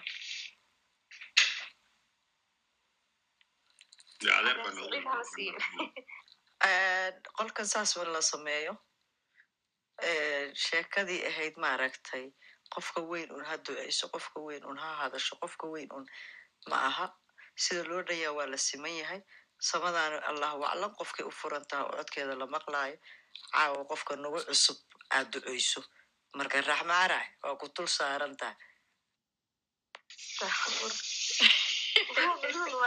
culeys weyn ay saartay runtii waa waa saa sheegtay soomaalideena waxaa waaye mar walba qofka weyn. Waana ixtiraam fiican qofka weyn ducada loo daayo kursiga looga kaco. Marka ma waa ixtiraam waayo laakiin ilaahay waa u simannahay marka qolkan dabeicadiisa ah qolkaas qofka ku cusub aad duceyso marka aday ku saarantaa mahadlaysaa raxmacadey lul sorry telefona isoo galay. Codkii dambaan maqlayn raalli ah. Ha maya waxaan ku dhahay dabeecad qolkan ka jirtaa jirto oo ah qofka ugu dambeeyo nagu cusub. Annaga keliya joogi jirna haddaan joogno yes qof baa loo dhiibaya. Laakiin qof habeenkaas ku cusub inay meesha ka hadasho hadday saaran tahay. Waayo adig waa joogi jirta waa dhegeysan jirta laakiin weligaa inta soo korta ma ka hadlin saas daraaddeed adigas ku saaran tahay dabeecadda qolka ka jirtaa saase marka noo duceeyo insha allah waa mahadsan tahay lul aad aa mahadsan tahay saa ii sharafta ilaahay ku sharfo akhyaarta dhammaanna way mahadsan yihiin ilaahay dembigeeni dembiga waalidkeena ha dhaaf iyo dembiga walaalaheen ummadda muslimiintana ilaahay qalbiyadooda ha isu furo si gaara ummadda soomaaliyeed in kuwii maaragtay isgarabsada oo waddankooda iyo dadkooda iyo diintooda u adeegana allaha ka dhigo maaragtay dembigeenana ilaahay hadda iyo caafimaad iyo khayr iyo wanaag badanne rabbi waa inooga wada baryaya dhammaantiin aada u mahadsantihiin aad iyo aada u mahadsan tahay haya shams ma la wareegi karaa hadeer fasaxan tahay aad iyo aada u mahadsantihin dhammaantiin barnaamijkan ciwaankiisa wuxuu noqon doonaa haddii alla idmo maxaad u soo joogtay maxaad u soo joogtay baan marka ku wadaynaa caawa waxay ahayd nabad iyo wada hadal. Casharkeedii baa la bixiyey. Wixii hadda ka dambeeyo uma baahna cashar dambo. Annagaa sheegayna wixii casharkii la bixiyey wuxuu ahaa kadibna waa lala qabsan. Waxay noqonaysaa wax soomaaliya leedahay ee ayadu ay wado oo aan kulmiso keliya caraweelo ku ekayne golo walba laga sameeyo. Labadii ishesho ee ayaga xataa markay kafee wada cabaayaan war heedha maxaad u soo joogtay isdhahaan heedha maxaad usoo joogtay markaas u wada caafimaadayna insha allahu tacaala aad iyo aad baan idinkaga mahad celinayaa dhammaantiisa u dhan tihiin meelaad joogtaanba galab hadday idin tahay habeen hadday idin tahay hadday subax idin tahay wasalaamu calaykum waraxmatullahi wabarakaatu maca salaam وعليكم السلام ورحمة الله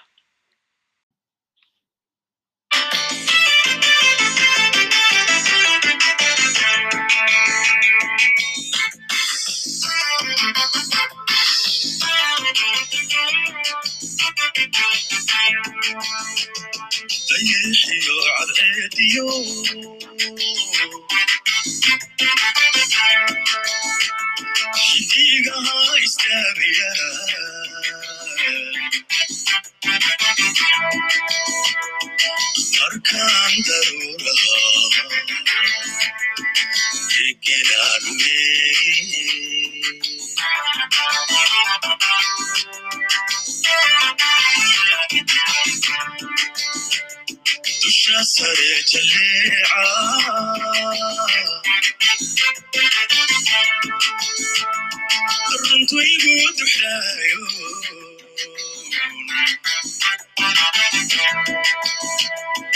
darajada ilaahay igu soo xusuusta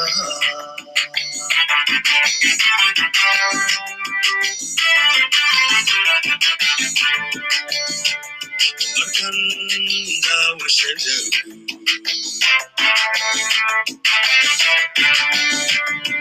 degma winta hoosiyo dhirta lagu daleeyo waxaan buuradaahweyn lagu daabay ciidiyo arku hogol daroorta arku hogol daroorta ishuu dabaci gelisa hadan dharabka joogiyo deegaantu saaran dhulku duug ma yeesheen ii hal ma reebeen qofna kuma danayste rabbiyow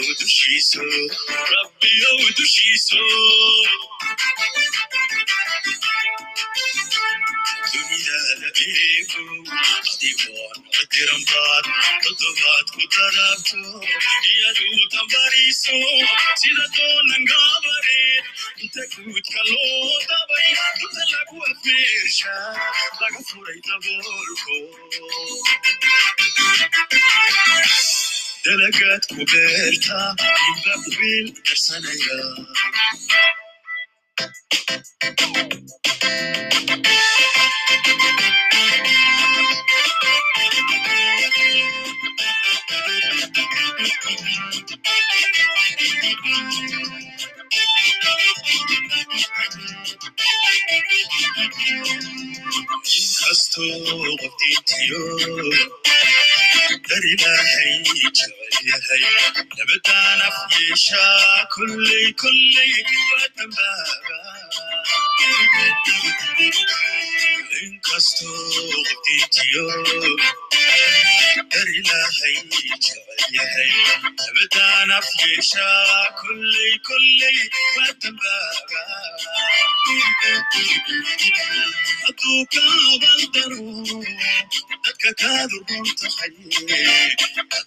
adigaa dulqaatee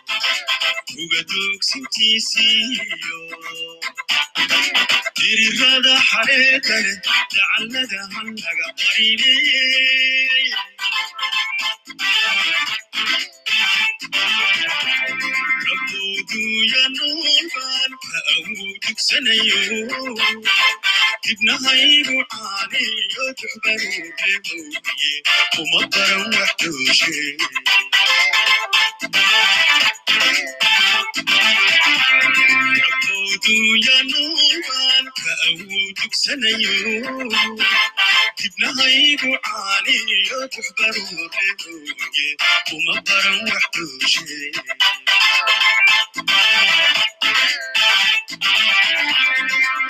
أبرم وحده شربي وذراعي وجيل ذكرلو جيل ذكرلو يبجوك عوشيو دبرقو يا حورا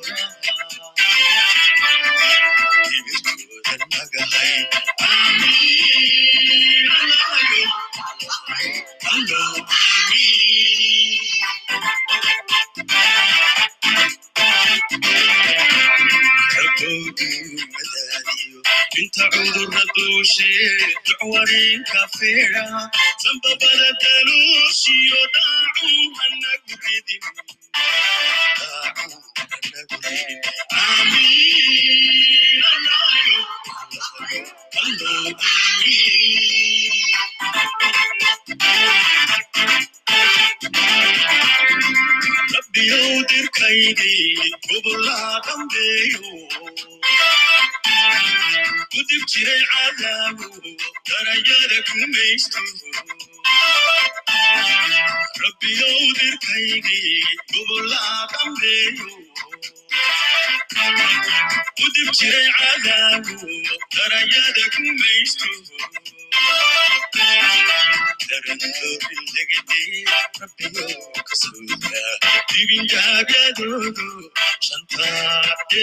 Washington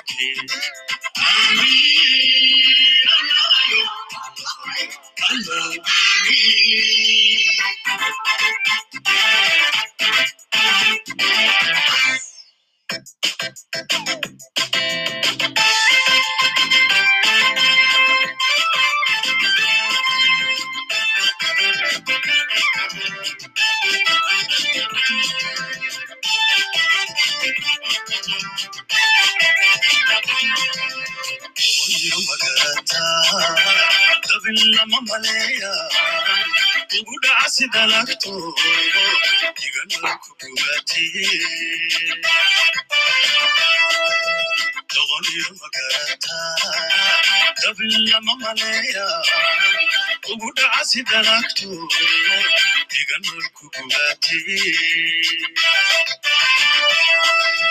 doofaaro badan ba musdulee ka joogi rabbiyo hanu dagin kuwa diiday nabado duulan hanwa jebin Amin, Allah, Amin, Allah,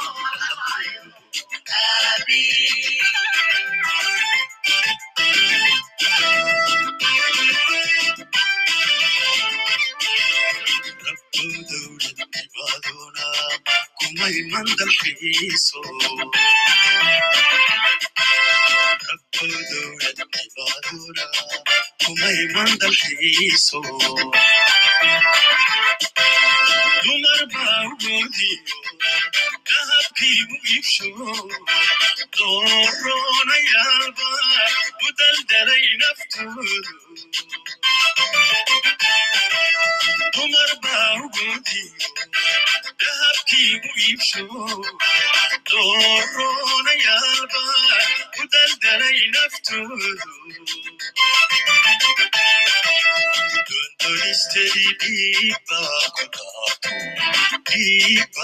daatee rabbow daawad qoraato dakharnada bogsiisiyo walaysku baatiyo kadhig malabka duucaan malabka amiin allahayo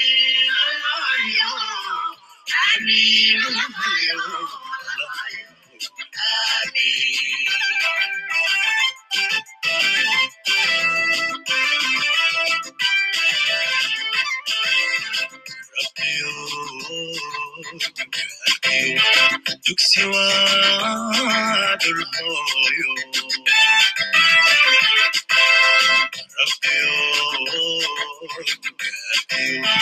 dugsi waa dhulhooyo dibad ruux u sahan tegay dulli waay maaye dibad ruux u sahan tegay dulli waay maaye ninda adiisa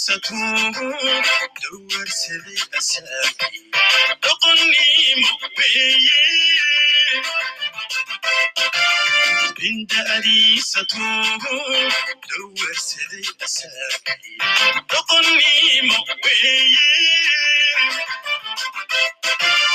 dalkayaga ilaaho dereegiyo daryeeliyo waxna deeqa nagu sii